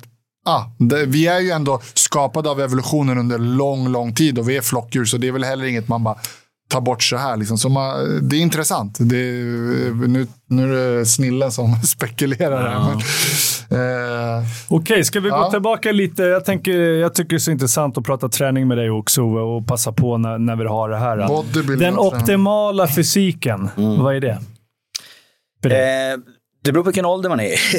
Den optimala fysiken är för det första hel och kan röra på Ja. sig. Eh, jag personligen eh, har alltid attraherats och tycker det är coolt att ha en vältränad kropp. Och det är inte för att jag, jag har aldrig till exempel gått runt på en badstrand liksom i bara överkropp. Det, det är inte därför jag tränar. Utan jag tränar för att se bra ut för mig själv och kanske för min partner. Och jag gör det för att jag känner mig så... Det är skönt att känna sig liksom fit så här. Men det är en skön känsla för Ja. alla som inte har Men nu känt när sig jag blivit äldre så har jag faktiskt, efter min bok jag gjorde, jag menar herregud, jag är den enda man som har tjänat pengar på att visa sin kropp naken för 100 000 köpare. Så att jag ska verkligen 40 inte... plus, var det den boken? Nej, det var, det var efter både, nej, 40 plus den gjorde jag när jag hade fyllt 50. Ja, just det. Eh, då gjorde jag, för då tänkte jag, då kan man med gott samvete visa hur man ser ut om det är 40 plus. För nu har jag genomgått 41, 42, 43. Så att när jag var 50 så gav jag ut boken 40 plus. Eh, och eh, jag ser ungefär likadan ut då, som, som när jag var eh, 1991. Så att, eh, och jag ser fortfarande ungefär likadan ut. Och det beror på att jag har hittat ett system eh, att träna. här är intressant. Ja, därför att jag, jag skrattar idag. För man kan säga så här. När jag sålde mitt sista bolag där eh, och vart konsult, då tänkte jag så här, nu ska jag inte sätta mig i avbytarbåset, nu ska jag sätta mig på läktaren bara och kolla hur allting utvecklas. Investera grejer jag gillar, jag sitter, jag kommer inte påverka någonting. Jag kan inte påverka någonting. Det är samma sak att prata om den här utvecklingen i internetvärlden. Jag sitter bara och re- reflekterar, det där, hmm, där kan det finnas en affärsmöjlighet. Jag liksom försöker bara analysera vad jag tycker är bra och vad som jag tycker är dåligt. Men eh, jag tror att, nu får du upprepa din fråga för mina tankar drar iväg ibland. Ja, nej men... Eh, eh, Ja, men just det här med träning, liksom hur Ja, den det. optimala fysiken det, pratar om. Men det som jag tycker, förlåt, men det som jag tycker du var inne lite på som är superintressant. Det är det här, du sa någonting om att eh, du eh, är, först och främst så ska man, kroppen funka, vi ska vara funktionella, annars är, är fysiken i sig ointressant. Men också det här, eh, vart tränar man utifrån där man är? Och du kollade på någon bild sa du från 91. Och Eh, med dina ögon så säger du att yttre fysiken, det är inte så stor skillnad. Och jag menar, det här är ändå, hur många år sedan är det vi snackar? Ja, det är länge. Eh, 30 plus år. Ja. Eh, och det här är jätteintressant tror jag, för att många där ute märker jag, de får- kommer och frågar så här, men hur håller man sig i form när man blir lite äldre? Eller hur ska man, eh, min son har precis börjat styrketräna, hur ska han tänka sig? Så kan du ge lite så här, Går det att göra något generellt? Så här, ja, men en yngre person som kanske eh, kommer i kontakt med träning för första gången. Och Hur har du lyckats hålla den här formen? Jag menar, det finns ju hur många 60-plussare som helst som skulle dö för att hålla. Vad är nycklarna? Liksom? Kan du sammanfatta lite grann? Okej, när jag har suttit på läktaren och tittat hur branschen utvecklas så ler jag lite grann ibland. För att alltså, vem har nytta av 40 000 recept? Vem har nytta av 40 000 träningsprogram? Om det vore så att ett enda av dem funkade, då hade alla gått runt och varit i bra form. Det enda som funkade gör enkelt för sig. Jag har aldrig vägt någonting, jag har aldrig mätt någonting. Jag äter när jag är hungrig, men jag vet vad jag ska äta. Och det är så här att det här med, vissa håller på med våg och grejer, alltså det, det är så dumt så att om du en gång gör så här, du tar, en, du tar kaffekoppen du har hemma, full med havregryn, så ställer du den på vågen. Då vet du hur mycket den kaffekoppen innehåller. Då vet du så mycket väger det som är i den här. Då vet du det hela livet. För det ändras liksom inte. Du behöver inte använda den där vågen. Och det, vågen gör att man blir så fixerad vad man ska äta. Jag gör det väldigt enkelt. Jag gör ett program som jag ändrar var tredje månad. Då vet jag exakt vad jag ska göra varje dag och så håller jag det. Då har du alltså, du har lagt in några pass per vecka och så kör du ja. samma pass i en månad. Tre. Och, ja, tre månader och sen mm. ändrar du. Men det är viktigt när man gör sitt program att man inte övertränar. För många, många, alltså många får ingen utveckling för att de övertränar sig. Så att jag kör efter ett speciellt system där jag gör så att jag ena passet så kör jag till exempel bara övningar med hantlar och skivstång och nästa kör jag med, eh, med maskiner. Och då gör jag så att jag har ett pass där jag kör lite mer till exempel baksida axlar lite mer koncentrerat, nästa gång kör jag lite mer front, eller frontdelta och mittdeltat, alltså axlarna. Så jag försöker liksom bygga runt hela tiden. Och så kör jag väldigt långa perioder med väldigt mycket repetitioner för att bana kroppen. Alltså många människor när de tar i, de går ju sönder för att de inte de har inte jobbat i ytterlägena. Du måste först jobba i ytterlägena i alla övningar innan du går på lite tyngre. Och det här cyklar jag hela året. Um, Sen är det ju svårt att ge generella tips, för jag menar, nu är du extremt vältränad Ove och det kan ju vara svårt att kanske följa samma program såklart. Om man kanske är en eh, man eller kvinna som är väldigt överviktig och som har mm. helt andra preferenser och målsättningar mm. och ska gå ner i vikt såklart. Men jag kör ju mycket så här som en övning, jag har ju alltid haft väldigt starka ben. Jag kör alltid genom åren kört mycket spänsthopp. Och det tycker jag, spänsthopp, det vill jag. Jag kan tala om för dig, om du kör ett mm. pass med mig, spänsthopp, så kan du inte gå på 14 dagar. Ja, jag kommer ihåg när du berättade. Det, det är flera som har ja. försökt. Nej, men det spelar ingen roll hur vältränad du är. Det här är ganska lustigt, va? för att du kan ta nästan vilken gymnast, atlet, du kan ta en brottare. Just när man kör på det sättet som jag kör, med, alltså, det är en blandning mellan spänsthopp och eh, eh, plyometrisk träning och autogen stretching. Det vill säga du gör med dubbelhopp i botten för att där får du liksom riktiga stretchen i muskeln i hela sin längd. Om du kör det i tre månader kan vi säga då. Du vet alltså, alla de här, jag blir liksom så skratta när jag ser alla de här tipsen folk kör. Du vet de står på en gummiboll och försöker balansera eller som ett gummiband och drar ut åt sidan. Kör fyra spänstopp så får du det där på på fyra sekunder. Och Det där vet jag att du har nämnt, framförallt när vi blir lite äldre. Folk sätter begränsningar på sig själva. Mm. Nästan att jag kan inte bli sådär vältränad. Jag kan inte träna explosivitet, mm. plyometrisk träning och så vidare. Mm. Men det är faktiskt den delen du brukar nämna. Det är det vi tappar. Men sen är det ju så här också att folk frågar, jag kan vara så vältränad. Men prova själv och inte missa ett enda pass på 50 år. Mm. Jo, jag tror också alltså, det. det, men alla har ju inte den tiden Nej, och möjligheten vet. heller. som du alla har den tiden. Jag jo, men jag menar kanske träna så extremt mycket som du Nej, gör. Nej, men jag eller? tränar inte så fruktansvärt. Alltså, om du tittar på alla bolag jag har drivit och allt jag har gjort och haft företag och liksom verkligen. Och familj på det. Ja, men, jag får ju tid. Jag har ju tid. En timme per dag, det ja, har alla. Jag har alltid mm. kört, jag menar, för det är också en, en, en luft i vardagen. Mm. Men däremot så sitter jag inte och, och spelar på tips extra eller går så mycket på fotboll eller hockey eller jag, jag går till gymmet liksom och där har jag min lilla fristad och det är mitt intresse och jag är stolt över det. Eh, men eh, sen så kan folk, oh, vad gör du, vad är det för knep? Det är inte så mycket knep. Mm. Enkelt träningsprogram och håll det. Och kost och träning. Du är ju ja. alltid inne i kost och jag vet ju när man varit hemma hos dig, du har ju du planerar ju även där. Vi pratar mycket planering hela tiden. Mm. Du, du har mycket kyckling, du har kycklingfiléer som är mm. färdigstekta som du ja. har fullproppat i kylen. Ja, ja. Du, har, eh, ja, berätt, du kan ju berätta själv. Nej, men jag har ett väldigt enkelt kostprogram. Jag kör nästan samma frukost varje morgon och det är en deciliter havregryn. Eh, jag gör i mikron. Eh, jag tar ut det och så har jag eh, djupfrysta bär. och till det dricker jag mandelmjölk. Eh, sen har jag alltid, drar jag, jag omelett för det mesta eller kokta ägg, fyra stycken. Eh, och då gör jag en gula och fyra viter. Och sen så har jag, eh, och så kaffe till det, det är min frukost. Och sen lunch och middag och mellanmål. Mellanmål är lågfettprodukter som minikeso eller kvarg ihop med eh, bär eh, eller frukt. Och sen så kör jag eh, till middag kör jag alltid kyckling eller fisk. Och ibland en, en riktigt fin köttbit. Men alltså det, så lever jag. Men jag ska bara poängtera en sak. Eh, jag är atlet i veckorna, men jag är Svensson på helgerna. Mm. Så jag menar, jag kan självklart gå ut och ta några bärs eller gå ut och käka pizza. Det är inte det. Balans. Men det är basen i det hela. Att, För att det är ju så här att om du, om du lever som atlet i veckan, då blir helgen ännu mysigare. Det är en, jag, jag säger exakt samma sak. Så här. Om, vi ba, om vi skarvar bort elitidrott, alltså ytterkanten, att så här, du ska bli bäst. Det är ingen hälsosam verksamhet på något sätt. Men om man kollar på det stora spannet av att så här, jag vill må bra eller jag kanske till och med vill ta det lite längre. Jag vill också se bra ut. och så här. 80-20-regeln. Liksom. Det finns jättemånga olika kostprogram. Och det finns säkert vissa delar av det du säger som jag kanske inte skulle hålla med om och tvärtom när det gäller att så här, eh, det är verkligen bra för din hälsa. Men om man då kommer till det läget att så här, hur kan en med 55-åring eller 65-åring var i bra form så tror jag att det handlar egentligen om det här som du var inne på, ramarna runt omkring. Hur många pass kör jag? Eh, hur, vad innehåller de här passen liksom i ren så här, eh, inte exakt, det finns tio olika övningar för biceps, så det är ointressant. Men innehåller de de här liksom, eh, alla muskelgrupper vi behöver träna? Har, du- har du lite pulshöjande träning i din vecka? Alltså det är ramarna runt omkring och sen vara konsistent. Göra det vecka efter vecka efter vecka. Och sen finns det en viktig faktor som jag alltid har med eh, och det är explosivitet. Ja. Armhäv, explosiva armhävningar, spänsthopp. Därför att ju äldre du blir, ju långsammare går allting. Och titta på ett barn springer fram och tillbaka hela tiden. Man Och det är klart att de bränner en massa energi. Och så blir det äldre, går man lite lugnt, man går lugnare trappor. Jag försöker alltid sprinta lite i trappor, jag försöker alltid göra så explosiva armhävningar.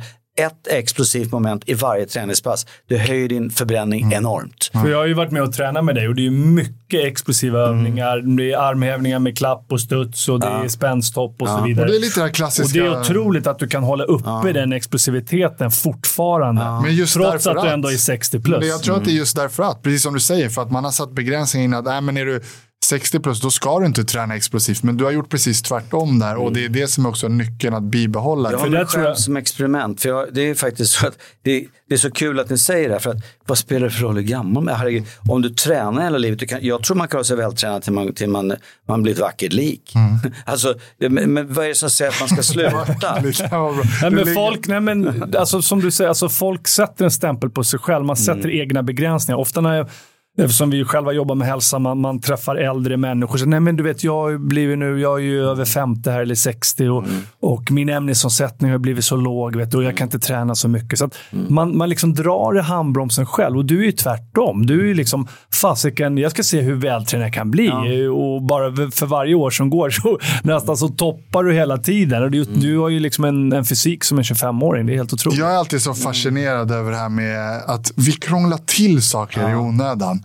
Är, alltså jag återkommer till det när jag jobbade som fystränare i Hammarby och sådär. Då kom det spelare som kanske hade varit ute i Europa och sa så här att Ja, men det är klart att vi aldrig kommer kunna bli lika bra fysiskt tränare som dem. De hade ju fystränare med sju olika mätverktyg och maskiner och, och sådär. Och så tänker jag så här, precis tvärtom. att så här, Det är det här runt, alltså basen runt omkring som jag bland annat, och inte bara jag, men kan ge dig att, i form av ett mindset. Att, så här, vad har du för inställning till en tränare? Hur professionell eh, blir du? Hur förbereder du dig? Och framförallt, det går aldrig att ta ifrån, hur, när det gäller elitidrott, hur hårt tränar du? Det är de grejerna. Så kanske det står någon eh, fystränare där ute i Europa, aldrig varit duktig själv, kan inte de här nycklarna, men är superduktig på att mäta. Så, så att jag tror att så här, folk frågar hela tiden, frågar, ja, men håller du i form? Jimmy, du är plus 40. Martin, hur håller du i form? Och du får det här, du är plus 60.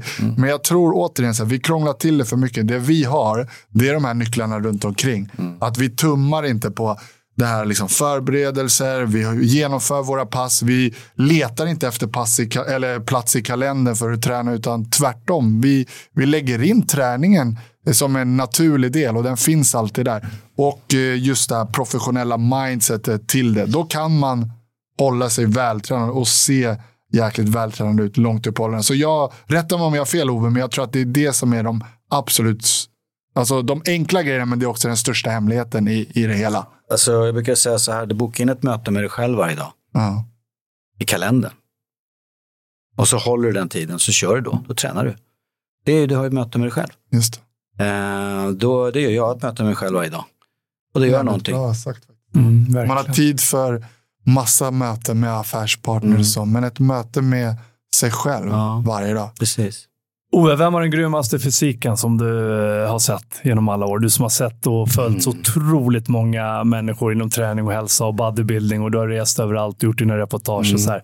Är det någon så här fysik som säger wow, det där är det absolut bästa fysiken jag sett i dina ögon mätt? För vi har ju olika preferenser. En del tycker kanske att en smal kropp är det bästa, en del Mm. tycker att en väldigt eh, muskulös och så vidare. Alltså, jag, eh, det finns ju många som är väldigt, väldigt bra, men, men eh, eh, en klassisk fysik som fick mig att börja träna lite mer styrketräning var Steve Reeves, alltså som var skådespelare från på 30-40-talet. Han hade den perfekta fysiken tycker jag. Eh, och eh, på äldre dagar så, de som har, alltså det finns ju hur många Vad var det med hans fysik som stack ut? så? Smal midja, breda axlar. Och sen för mig är liksom det här med träning, kroppskultur, det är inte med, det- för mig är bodybuilding tycker jag är ett felaktigt ord. Jag tycker jag jobbar mer med, eh, jag jobbar mer med, med, med eh, ska jag säga, en, en fysikträning som gör att, menar Det är sit- konst för dig Ja, nästan. men alltså om du bara cyklar får du jättestora ben och inga armar. Om du bara åker skridskor får du jättestora lår och ingen överkropp. Om du bara håller på med armbrytning får du en jättestor underarm. Om du håller på med, alltså, det är så få idrotter där du faktiskt kan skulpturera din egen kropp som du själv vill. Och det kan du göra med kroppsbyggning som det kallas för. Men för mig är det mycket mer. Eh, I kroppskulturen så ingår det för mig att vara artig, klä sig snyggt, liksom ha lite, lite brilliant mind, vara en person som står för det man gör. För att bodybuilding är egentligen, om du verkligen sköter din hjärta-lungapparat och tränar din muskulatur på rätt sätt, så är det världens bästa sport. Sen finns det en massa problem med doping och det finns andra saker som kommer in som är skittråkigt. Men om du bortser ifrån de få promillerna som håller på med det så är det faktiskt så här att håller du igång din muskulatur som är kroppens största batteri, för det är muskulaturen som gör att du håller din energi uppe. Nu till exempel när jag ligger blixt stilla i 36 eller i 26 dagar, eller 23 dagar var det, ska jag inte överdriva, eh, efter min olycka så har jag fortfarande energi när jag reser mig upp. Därför Trots att du tappade 10 kilo. Ja, därför att det, du, det är det sista som lämnar dig. Det, det är energin från muskulaturen. För det, det är ett sånt jäkla starkt batteri. Plus att det är bara vätska som lämnar. Så att så fort du börjar, liksom börjar röra det minsta så får du tillbaka. Så jag gick ju upp allting på 14 dagar igen. Tror du att det finns människor som lyssnar där ute nu som tycker att det är väldigt ytligt det här när man tittar på kroppen på det här sättet som du beskriver det nu? Att det blir utseendefixerat, att det är ytligt. Eller tror du att alla ser det på, de flesta ser det på det sättet som du gör? Jag tror att det självklart uppfattas som ytligt. Därför att det är ju, det är alltså att visa upp sin kropp. Det är ju ytan på, det är ju, du visar upp hur det ser ut under kläderna. Men jag tror att de flesta människor skulle hellre vilja vara vältränade än otränade. Jag tror ingen skulle tacka nej till att se vältränad ut. Fast man vet att priset är ganska högt om man inte är van vid det. Jag menar, jag skulle... Och vältränad, återigen, det kan ju vara olika för olika människor. Vältränad, jag vet ju att vissa tycker att man är extremt vältränad om man är eh, kanske löpare och springer mycket. Man är väldigt smal, man har en bra kondition. Medan en annan tycker att fasiken har man stora muskler och Ja. bra sy- symmetri och så vidare så är man väldigt vältränad. Nu tog jag ett litet steg lite längre, jag har inte kommit in på min fru som gick bort. Men när hon gick bort så, och jag hade sålt alla mina bolag så kände jag så här att ja, men nu börjar jag väl träna ordentligt då. Nu har jag ju tid. Eh, och det gjorde jag för att när min fru gick bort, så, som är två och ett halvt år sedan, så man brukar prata om ett sorgeår. det hade jag innan hon gick bort. Eh, och eh, så när hon gick bort så var det faktiskt en lättnad för oss båda. Var det för att du visste vad som kom Ja, han förberedde dig mentalt? Vi visste båda två.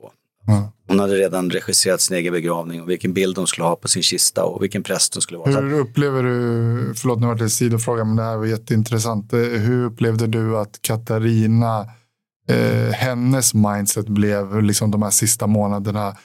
Kan man, du som har levt nära en person som liksom vet om att min egen död är verkligen mm.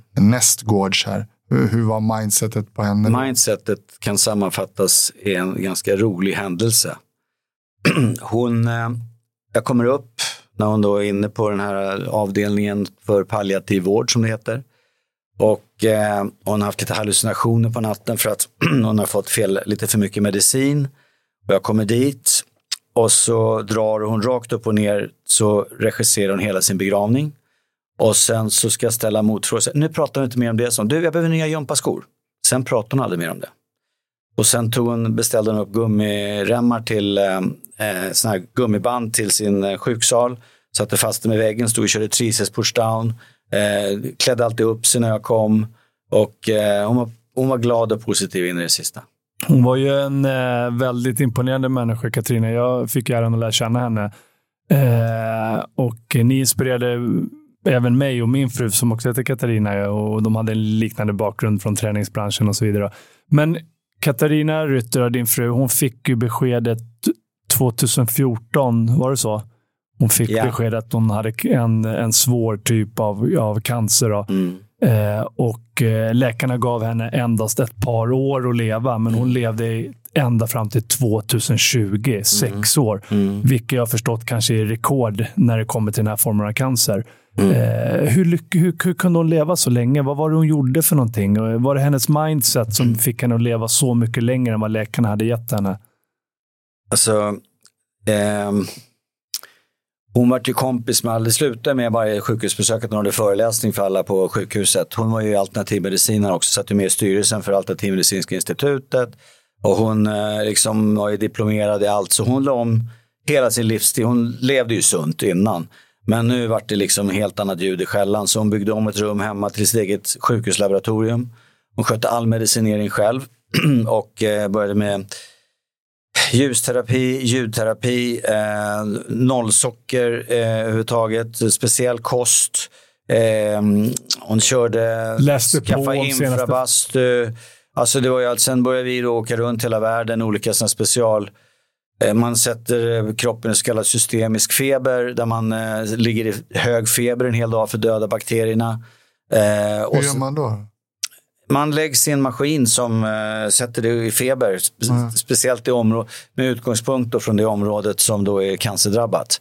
Och uh, så hon hade liksom 40-41 graders feber från tidig morgon till sen kväll. Och sen, vet du vad de gör sen? De bloddopar dem. Så att jag gick ut och käkade på kvällen och hur pigg som helst. Mm. Helt sjukt. Och sen så var vi där tre dagar. Vi var i Berlin mest. Alltså, vi kämpade på de där åren. Men vi hade kul hela tiden. Vi hade ett fantastiskt liv ihop, även fast de var så sjuk.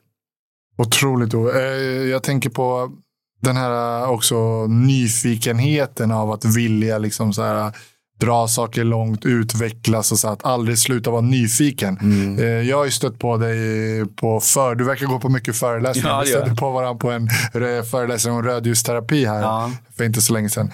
Eh, den här nyfikenheten, var kommer den ifrån då? Ja, men jag, är nästan, eh, jag går på sjukligt mycket föreläsningar. Du måste vara en av de som går på. Du brukar dra med mig ibland också. Ja, men alltså, jag, jag tror... går ju på minst eh, två, tre veckan. Eh, och det är inom allt. Mm. Och det är ju så här att jag håller på lite med kapitalförvaltning, jag håller på med liksom alternativmedicin, jag håller på med lite business. Och de bolagen jag är inblandad i, de har ofta nog dragningar. Eh, jag håller på, jag har en ekonomisk rådgivare, vi träffar ibland, vi går på grejer. Nu senast var jag på, inne i ett bolag som heter Appstec som är ett säkerhetssystem. Det var visning här i Stockholm och så var det föreläsning om det och sen gick vi och kollade till en annan investering jag har. Så att jag försöker hela tiden det är ju en del av livet. Liksom. Tappar man nyfikenheten och sitter hemma liksom, och matar duvorna i stadsparken, då blir man ingen rolig person. Och det är också en del av åldrandet, tänker jag. Att många som... Eh, jag tror två sätt som, man ser, eller som jag ser på åldrandet. Och det är så här, Nummer ett, det fysiska åldrandet och nummer två, det mentala åldrandet. Och så ja. hör de här ihop på något ja. sätt. Slutar du liksom så här, ta hand om din kropp, det här klassiska du äter skit och du går och tar en bärs efter jobbet och du sover dåligt och så här, så kan man kolla på, jag är lite den brytpunkten, 40-åringar. Så här, vissa av mina gamla klasskompisar ser ut att vara eh, kunde lika gärna vara 70 år och vissa kunde lika gärna vara 25. Mm. Och sen har du också den här andra delen med Eh, vissa som är ute och eh, om sig och kring sig och nyfikna och springer runt 90-åringar. Och man, de pratar som om de vore liksom 40-åringar. Mm. Så jag tror att eh, om vi pratar om åldrandet och kunna må bra länge och inte liksom bara leva länge antal år utan också må bra. Det, så tror jag att det här mentala liksom, nyfikenheten och sen det fysiska att ta hand om sig. Liksom, mm. De två nycklarna. Eh, och Den andra delen pratar man inte så mycket om. Så, men den kanske du har bara så här rent eh, naturligt? Eller är det någonting du tänker på också? Att du, alltså att du är ajour och liksom så här, nej men fan Ove, kom igen nu, ryck upp det. Du måste ut och iväg och Liksom. Nej, men alltså jag, alltså skillnaden mellan kronologisk ålder och biologisk ålder är väldigt stor. Jag menar idag, alltså det som står i passet det är ett väldigt omodernt sätt att mäta ålder på. Ibland kan ju människor vara 50 år och man har en fysik som en 75-åring och någon som är 66 kan ha fysik som en 35-åring. Så att jag menar om jag till exempel skulle göra en, annons på en, en dating-sajt, jag kan ju inte skriva hur gammal jag är, jag skulle ju bara få liksom, då är det bara tanten i fiskaffären som svarar. Nej men alltså jag är ju mycket ungdomligare än så och mycket mer nyfiken, tycker det är roligt, jag har fortfarande massor med energi. Det är ju väldigt, alltså energinivån och din fysiska nivå, det är egentligen din ålder. Ja. Så att det är ett omodernt sätt att mäta på. Så att egentligen ska man mäta ålder på ett helt annat sätt. Idag är det ungdomar som är helt stillasittande, de är 25 år, sitter bara och spelar spel. De kan inte ens springa runt kvarteret utan att hjärtat hoppar i kroppen på dem. Vad är det för ålder på en sån person? Exakt. Man har ju sett i forskning att en person som tränar ungefär tre dagar i veckan kan hålla sig tio år yngre ända ner på cellnivå. Så vi är alltså tio år yngre bara genom att träna ungefär tre dagar i veckan. Om man ska generalisera av vad man har sett. Så att som du säger, den biologiska åldern är ju mycket, mycket viktigare och, och mer eh, kanske bättre att- mäta på det sättet. Och sen är det andra saker också som eh, man kan prata om. Det är den, den, manliga delen i det hela, att vara viril och liksom ha sina hormonnivåer på rätt nivå. För det är ju så att när du slutar träna och ger upp och lever liksom på kvarterspizzan och gör allting, då, då förstör du även din, din, ditt, eh, ditt, ditt, ditt, normal, ja, ditt Kan hormonsystem. man vakna med morgonstånd och vara över, och över 70 år, tror du? Jag tror att typ runt 90 har jag hört att det är som värst. Ja. Ja, nej, men alltså det, det är en viktig bit att prata om och det är ingenting att skämmas för. Det är väldigt viktigt tycker jag att kunna behålla sin Och där är ju vitalitet. träningen extremt manlighet. viktig. Jag menar, skulle jag inte träna som jag gör, då vet jag inte ens om jag hade varit Alltså jag har kompisar till mig, de har ju gett upp sitt sexliv för liksom hur länge som helst. Det är ju fruktansvärt. Jag menar, det är en stor del av livet liksom, att ha en bra, en, en, en, en, liksom ett komplett liv innehåller ju också att liksom ha närhet. Jag satt i en panel för bara några dagar sedan och pratade just om så här hormonhälsa för män. Och eh, man har ju sett att tungstyrketräning, man har ju sett att eh, ja, men sömn, eh, kost och, och så vidare. Eh, men då var det också en forskare där som pratade om det här eh, att eh, män som gör manliga saker, alltså sånt som vi rent eh, evolutionsmässigt har gjort. När, man, när könsrollerna suddas ut och män slutar göra de här grejerna, att man har sett att det till och med bildas eh, bröst och, och sådär. Eh, så vad tror du om den Men inte bara det. Man har sett också på eh, män som blir chefer, som får en chefposition. Då ökar testosteronet. Det deras testosteronvärde ökar bara av att de blir chefer. Nej, men jag har ett ännu bättre tips. Träna med Ove Rytter 14 dagar, bli som en kanin. Exakt, exakt. Nej, men alltså just det med explosiviteten, och komma tillbaka till det. För att det är det som bygger dina hormonnivåer i kroppen. För att så fort du blir långsam så, så blir du också långsam i allt. Men just explosiviteten, det bygger enormt mycket testo i kroppen. Det bygger enormt virilitet. Därför att jag märker ju skillnad när jag inte körde. Alltså kör du explosivt eh, så blir jag en helt annan person. Till exempel om jag, om jag springer upp för en trapp. Eh, samma trapp upp till min lägenhet här i stan. Om jag springer upp för den eh, varje dag i en vecka. Till skillnad från att ta hissen upp. Du vet, femte eller sjätte gången du springer ut så säger vad lätt det går. På den lilla träningsgrejen. Så alla män där ute som börjar bli lite äldre, se till att träna explosivt, lite tyngre ibland, Ja. eh, så kommer ni hålla er unga och virila. Ja, men så Sluta är det, Är det även för kvinnor de här effekterna, tror du? Jag vet inte. Jag, jag, Du har aldrig prövat? jag, jag, har aldrig prövat att säga. Ja, men jag tror hormonhälsa, det, det tror jag för båda. Men däremot tror jag att eh, man har ju sett i forskningen att testosteronnivåerna har ju en förmåga att gå ganska så riktigt brant Mm. ner. Så jag tror att det, för män så kan det här vara ännu viktigare. Absolut. Eh, Och inte sluta med en vana, till exempel så att ja, men slutar du träna under en period, ja, men då, då har man sett att då eh, minskar testosteronnivåerna och sen är man i en uppförsbacke såklart och tar sig tillbaka. Samma sak med om man slutar ligga kanske och har sex. Eh, och att eh, man fortsätter hela tiden. Men det är så sjukt det här med hissar och rulltrappor och allting. Jag menar, det är ju faktiskt så att det är en form av, tycker jag, handikapphjälpmedel. Alltså, om, du, om du bor på andra våningen och tar hissen, alltså, det är ju helt galet. Jag menar, vad skulle jag det för? Eh, men folk gör det redan, mm. de här rulltrappan, man tar jag själv rulltrappan ibland för man står och fixar med telefonen. Var det rulltrappan du ramlade i eller var det Nej, den var avstängd den uppåt. Så att Du det hade var, önskat att du tog hissen just den gången, men det är enda gången du skulle ha tagit hissen. Ja, men, det faktiskt, blev bra ändå. Faktiskt, ja. Ove, jag tänkte, vi ska snart börja avrunda, här, men jag tänkte lite med Katarina här. Eh, tillbaka till det bara. Eh, att se sin fru tyna bort sådär sakta men säkert. Ja. Liksom, och många gånger så glömmer man ju bort de anhöriga. Mm. Eh, hur var det för dig? Jag vet ju under den här tiden att du nästan bodde på sjukhuset själv under den här tiden. Absolut, eh, det gjorde jag ju. Och eh, vad ska man säga? Men det är ju faktiskt så här att precis som du har en bror, jag har också en bror som är väldigt nära, som eh, tävlat ihop med judo alla år. Så att han är ju liksom den som är närmast i familjen kan man ju säga. Som, han finns ju alltid där. Ja, men det är en otrolig trygghet att ha en brorsa faktiskt, som man är uppväxt med. Och sen har jag många fina vänner, så jag, kan, jag har aldrig känt... Och sen är det ju så här också, det beror på en människa som är väldigt, väldigt sjuk. För Katarina, som är borta i huvudet är en sak. Men när du har en fru som är jättesjuk men fortfarande hundra med i huvudet, då har man ändå en dialog och då har man ändå liksom glädje av varandras närvaro. Men jag, jag bodde aldrig på sjukhuset, det gjorde jag inte, men jag var där varje dag Ja, okay. eh, med mat. För hon ville inte äta sjukhusmaten så jag hämtade ju då på en speciell restaurang och så åkte jag dit och så käkade vi ihop och sen på slutet eh, då var det lite rödvin också. Liksom. Då, då, hon åt aldrig onyttigt någonsin. Då var det kanelbullar och det var liksom, hon ville, då beställde hon allt som hon inte hade ätit de sista åren. Och det jag tyckte var häftigt som du berättade, att hon trots att hon var så pass sjuk och i slutet av sitt liv, så ändå så höll hon sig fräsch och Ja, ja. klädde upp sig när du kom Ja. och ville vara kvinnlig. Absolut. Ove, får man eh, beröra det mest känsliga? Var var det någonstans när hon somnade in? Ja, det här är ju väldigt sorgligt. Eh, Jag var hemma därför att eh, det var ju pandemi. Jag fick ju inte besöka henne. Och det värsta av allt var, det ska jag dra en, en jobbig story som, den, den, är, den är hemsk. Men jag fick ju vara hos henne, hon åkte in den 16 mars 2020 och det var ju precis då som pandemin började härja som värst. Och eh, man satte ju väldigt snabbt stopp för besök på äldreboenden. Det här var ju då en, en palliativ vård. Det är folk som ligger där, de, de ska dö.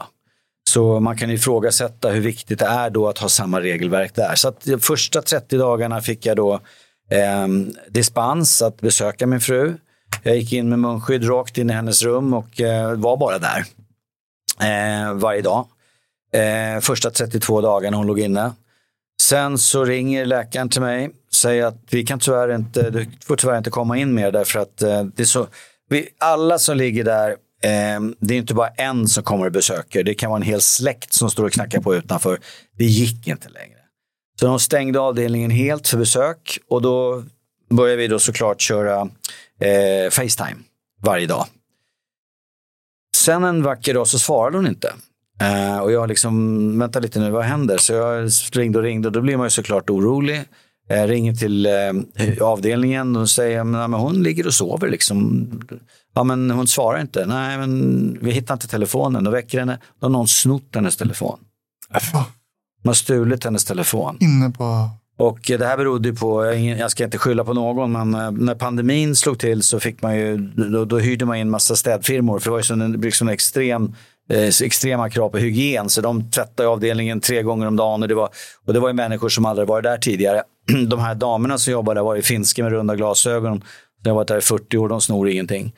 Och eh, någon där förmodligen har då stulit den här telefonen och då vart det ju ett problem. Därför att då ska du få in en ny telefon till sin fru som du får inte gå in. Som ska logga in, lära sig en ny telefon och fixa dona. Till slut så sparkade liv i en telefon hon haft tidigare som hon kände igen. Eh, för det är ju så på slutet när man är så pass sjuk som hon var så är man inte så här kanske jättesugen på att lära sig massa nytt och inte så in, man är inte så mottaglig för information heller. Så eh, vi fick igång den där i alla fall till slut, men det blev aldrig någon riktig ordning på det. Så att då fick jag avdelningen att köpa in en iPad. Så då kunde vi, så att det sista, det sista jag pratade med min fru, då lyssnade hon bara. Och hon nickade mot mig när jag sa att um, det är ju så här, när någon är så sjuk så måste du ge dem eh, öppna fönstret. Så jag sa att nu kan du somna. Jag tar hand om det här, så jag. Så, ja, så var det. Sen dog hon på natten. Under hur lång tid hade ni inte hunnit sett Stove? Ja, två månader. Två månader. Men jag hade faktiskt träffat henne två gånger för att eh, som entreprenör så kan man ju, får man ju vara lösningsorienterad och eh, jag eh, hittade på massa konstiga papper hon skulle skriva på. Så jag fick träffa henne två gånger utomhus, så rullade de ut henne i rullstol och eh, jag lyckades även träffa henne på hennes födelsedag. Så att, två gånger fick jag träffa henne de sista två månaderna. Men det är så sjukt va, eftersom hon låg ju på Stockholms sjukhem och jag bor ju på Kungsholmen så jag kan ju se sjukhuset där hon låg. Så ibland så gick jag nedanför för fönstret. Men eh, det var lite svårt när inte telefonen funkade och hon var så dålig. Så att, ja, det var väldigt sorgligt, men samtidigt så var det väldigt fint. För att eh, vi eh, eh, skildes åt. Man får tänka så också, vi skildes åt som bästa vänner. Hur går man vidare efter en sån här förlust? Um, som jag sa tidigare så hade jag haft mitt sorgår redan innan. Och när hon somnade in så kände jag bara att först sov jag 17 timmar. Jag hade aldrig sovit så länge, jag var helt slut. Och eh, första tiden efter när någon har gått bort så det är jobbet med alla saker, vad ska sparas, vad ska slängas, alltså alla sådana rent praktiska saker. Och jag menar, sen är det också lite krångligt när det gäller just mig och min fru därför att hon hade en fosterhemsplacerad dotter. Och hon har en son sedan tidigare som överlevt eh, arvsrätten till sin fosterhemsplacerade dotter som då är hans dotter. Förstår ni? Det är väldigt mm. krångligt och det finns inte ett papper i världen man kan fylla i som förstår det här. Så vi fick eh, vi fick, eh, det tog lång tid att reda ut allt det här, men allting ordnade sig till slut. Och sen, ja, men hennes rum står fortfarande kvar hemma. Um, Molly då, hon vill inte att vi ska... Det luktar mamma där fortfarande. Mm. Så. Hur gammal är Molly? Då? 18. Uh, jag tänker på uh, lite grann, uh, väldigt rörande, men jag tänker lite grann på det här efter då, om man då ska tänka på, eller om man ska komma in lite grann på alla tabun och så här. Jag kan tänka mig att det är en skam att så här, ja men nu ska Ove liksom, som var så tajt med sin fru och som gick bort, nu ska han liksom leva vidare här. Mm. Eh, och det där tror jag är... Kanske träffa kärleken på något, om det ens är möjligt. Och... Mm. Många där ute och lyssnar har säkert, eh, eller det finns vissa av dem som kanske har förlorat en partner. Mm. Och hur har du tacklat den delen och hur ser du på det här, alltså de här tabuerna kontra att så här, ja men vad då ska du begränsa dig själv resten av livet? Vad är det mm. för liv då? Mm. Hur, har hur går man vidare? Nej men alltså, jag tror att det är hur man hanterar på olika sätt, olika människor. Jag eh, har gått vidare. Um, jag har dejtat lite, jag har inte hittat någon ny kärlek så. Men uh, jag skulle gärna vilja träffa en ny kvinna och eh, leva med. För att jag menar, trots att när man blir äldre och är så pigg och glad och man har inga problem i livet. Det enda jag inte har, jag har allt utom en fru kan man säga. Mm. Så är det ju så att eh, man blir också lite picky. Alltså man är, jag är ingen eh, Tinderkille utan jag eh, vill träffa någon på riktigt. Eh, som tycker om mig såklart. Men eh, samtidigt någon som matchar in. Jag måste ju, vara upp, jag måste hitta en, någon som tränar. Det går, jag kan ju inte vara upp med någon som inte tränar. Det går ju inte. Då blir jag idiotförklarad och vi kommer inte passa ihop. Det behöver inte vara någon fanatiker så, men eh, gärna någon som är lite fysiskt aktiv och har ett huvud som är på skaft så kan jag tänka mig att... Äh, eller vi slänger ut en liten viral annons här nu. Ja, precis, precis, precis. Är ni sugen på världens eh, ja. mest vältränade ja, 60 plus? Den pressen vill man heller inte ha på sig. För det, är, det är också viktigt för mig. Många ser ju mig som en träningsprofil, men det är egentligen inte det jag jobbar med. Mm. Jag är ju liksom affärsman, eller jag är, ja. jag investerar, jag är riskinvestor. Jag har, det, det är det jag gör. Jag försörjer mig på det att jag använder mitt huvud, inte min kropp. Alltså jag har aldrig försörjt mig på min kropp på det sättet. Mm. Eh, jag menar, jag har aldrig varit världsmästare som ni har varit. Ove, en fråga då i slutet här. Eh, om vi skulle... Har du någon gäst som du gärna skulle vilja se här i Brottabröder framöver? Är det någon som du skulle vara nyfiken på? Alltså, ja, en kille som jag tycker... Det är så att Guldhjärtat startade jag ju då en gång i tiden eh, för att vi delar ut ett pris varje år till någon vi tycker är eh, i olika kategorier som vi tycker tillför branschen någonting. Och det har varit massa härliga profiler där. Eh, men senast så gav vi det till Micke Dahlén. Jag tycker Micke är så skön, för han är ju verkligen en antiträningsmänniska. Han ser inte ut som en tränare. Och vi pratade ju om Micke idag. Mm. Ja, Faktiskt. Han är verkligen annorlunda. Han är, Ekonomiprofessor. Ja, kallas för rockprofessor och är väldigt vältränad. Forskar om lycka. Det är så kul med Micke, för han gick i Handelshögskolan precis som jag gjorde. Jag hoppade ju av tidigt, men han var ju, var ju kvar, han är ju professor. Men eh, han var med faktiskt. Vi hade en, jag skapade en träningsgrupp för många år sedan med, med Folkhälsoinstitutet. Där alla dopingtestades under ett år. Så tränade jag dem ihop med Allan Bergström som jag startade Personal Training School med. Och så fick vi då, gjorde vi mätningar före och efter och så såg vi den utvecklades gruppen. Alla kom i jättebra form, utom Micke hade ingenting. Nej, jag ska Fast idag är jag ju ganska trimmad. Ja, men alltså, men, det är klart det händer något. Men han, han hade väl inte bäst förutsättningar att sitta så. Men han har varit enträgen. Där såg man verkligen anlag vad det kan ge. Alltså någon kille som hade verkligen anlag. Eh, för att liksom eh, eh, bli vältränad helt enkelt. Han har bra mm. symmetri. Så Micke Dahlén är tips han, han, var med, han var med i den gruppen. Då ska vi bjuda in Micke. Micke ska vara med framöver. Ja, ja, vi ska ju avrunda, men eh, det var en fråga som jag satt och sög på här ett tag lite. För vi har pratat mycket om så här, eh, hur, alltså, hur bra det är med träning och mm. allt sådär. Men hur ser du på den andra delen då? Hetsen, att eh, det leder till eh, kanske att eh, vissa attribut ska upprätthållas och det är många som mår dåligt. Ja. Vi har ortorexi där ja. allt förknippas ja. med hur man ser ut och så vidare som många drabbas av. Ove, lite kort om alltså, Vad man än håller på med så finns det alltid en utslagsprocent. Alltså, det finns ju de som alltid gör too much av allting. Jag har en vän som är väldigt eh, borderline personality. Som exempel, han började dricka. Och så, jag menar, man kan ju må bra av att dricka lite grann. Jag menar, några glas vin till maten, det är mysigt och så vidare. Men går man för långt mår man ju inte bra. Och det är ju samma med träning. Men i hans fall var det så att till slut så var han tvungen att ta hjälp. Eh, gå till A helt enkelt. Och blir av med, eftersom han då, då så började han dansa. Som ett, eh, varje gång han blir sugen på att dricka. Men det slutar med att han dansar tre gånger om dagen, sju gånger i veckan. han, ja, han blir beroende av dans istället. Alltså, det finns ju alltid mm, de ja. som har en borderline, en, en sån, eh, då, då det spelar egentligen ingen roll vad man kommer till. Men eh, det som driver på den utvecklingen är att det, det är hela Alltså Instagram är en otrolig mm. bov där när det kommer till alla sociala medier överhuvudtaget. Man ser mycket och hur det påverkar filter. Och alla man... visar upp sig perfekt och så är det är klart att det påverkar enormt. Speciellt tror jag unga tjejer. Eh, men jag tror att det där kommer övergående för att eh, det börjar också bli en motrörelse i det där. Det, det, ofta så jämnar saker och ting ut som i längden. Det är samma sak som när kommer folk sitta framför datorn jämt. Nej, mm. det kommer bli inne igen med uteliv. Det kommer bli inne med utsvängda jeans igen. Mm. Det kommer bli inne med, alltså allting går i cykler. Ja. Och så kommer det bli även inom, inom um, den datoriserade världen. Sen finns det Jag har...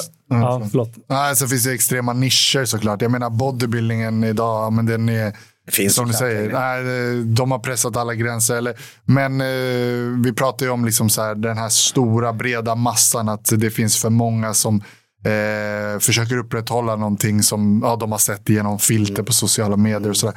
Men jag tror också att eh, det är på väg att vippa över lite grann. För nu visas det ju mycket andra typer av eh, kroppar och fysiken kan vara olika på olika sätt. Och sen så ska man ju inte eh, som vi som sitter här, vi vill se ut på ett sätt och det ska man också få eh, sträva efter om man vill det.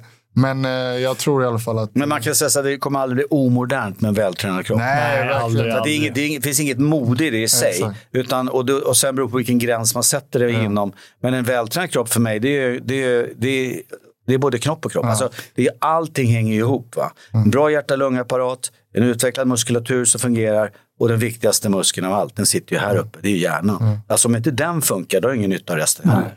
Ja, det är en sak som vi faktiskt har glömt att prata om lite grann. Vi ska inte fördjupa oss för mycket i det. Man kan prata ett helt avsnitt bara om det. Men det här med doping. Ja. Du har ju jobbat mycket med, med bodybuilding. Du har rest runt hela världen och stött säkerligen på det. Går det att bli bäst i världen, eller några av de absolut bästa bodybuildarna eller muskelbyggarna i världen, utan att ta anabola steroider? Nej.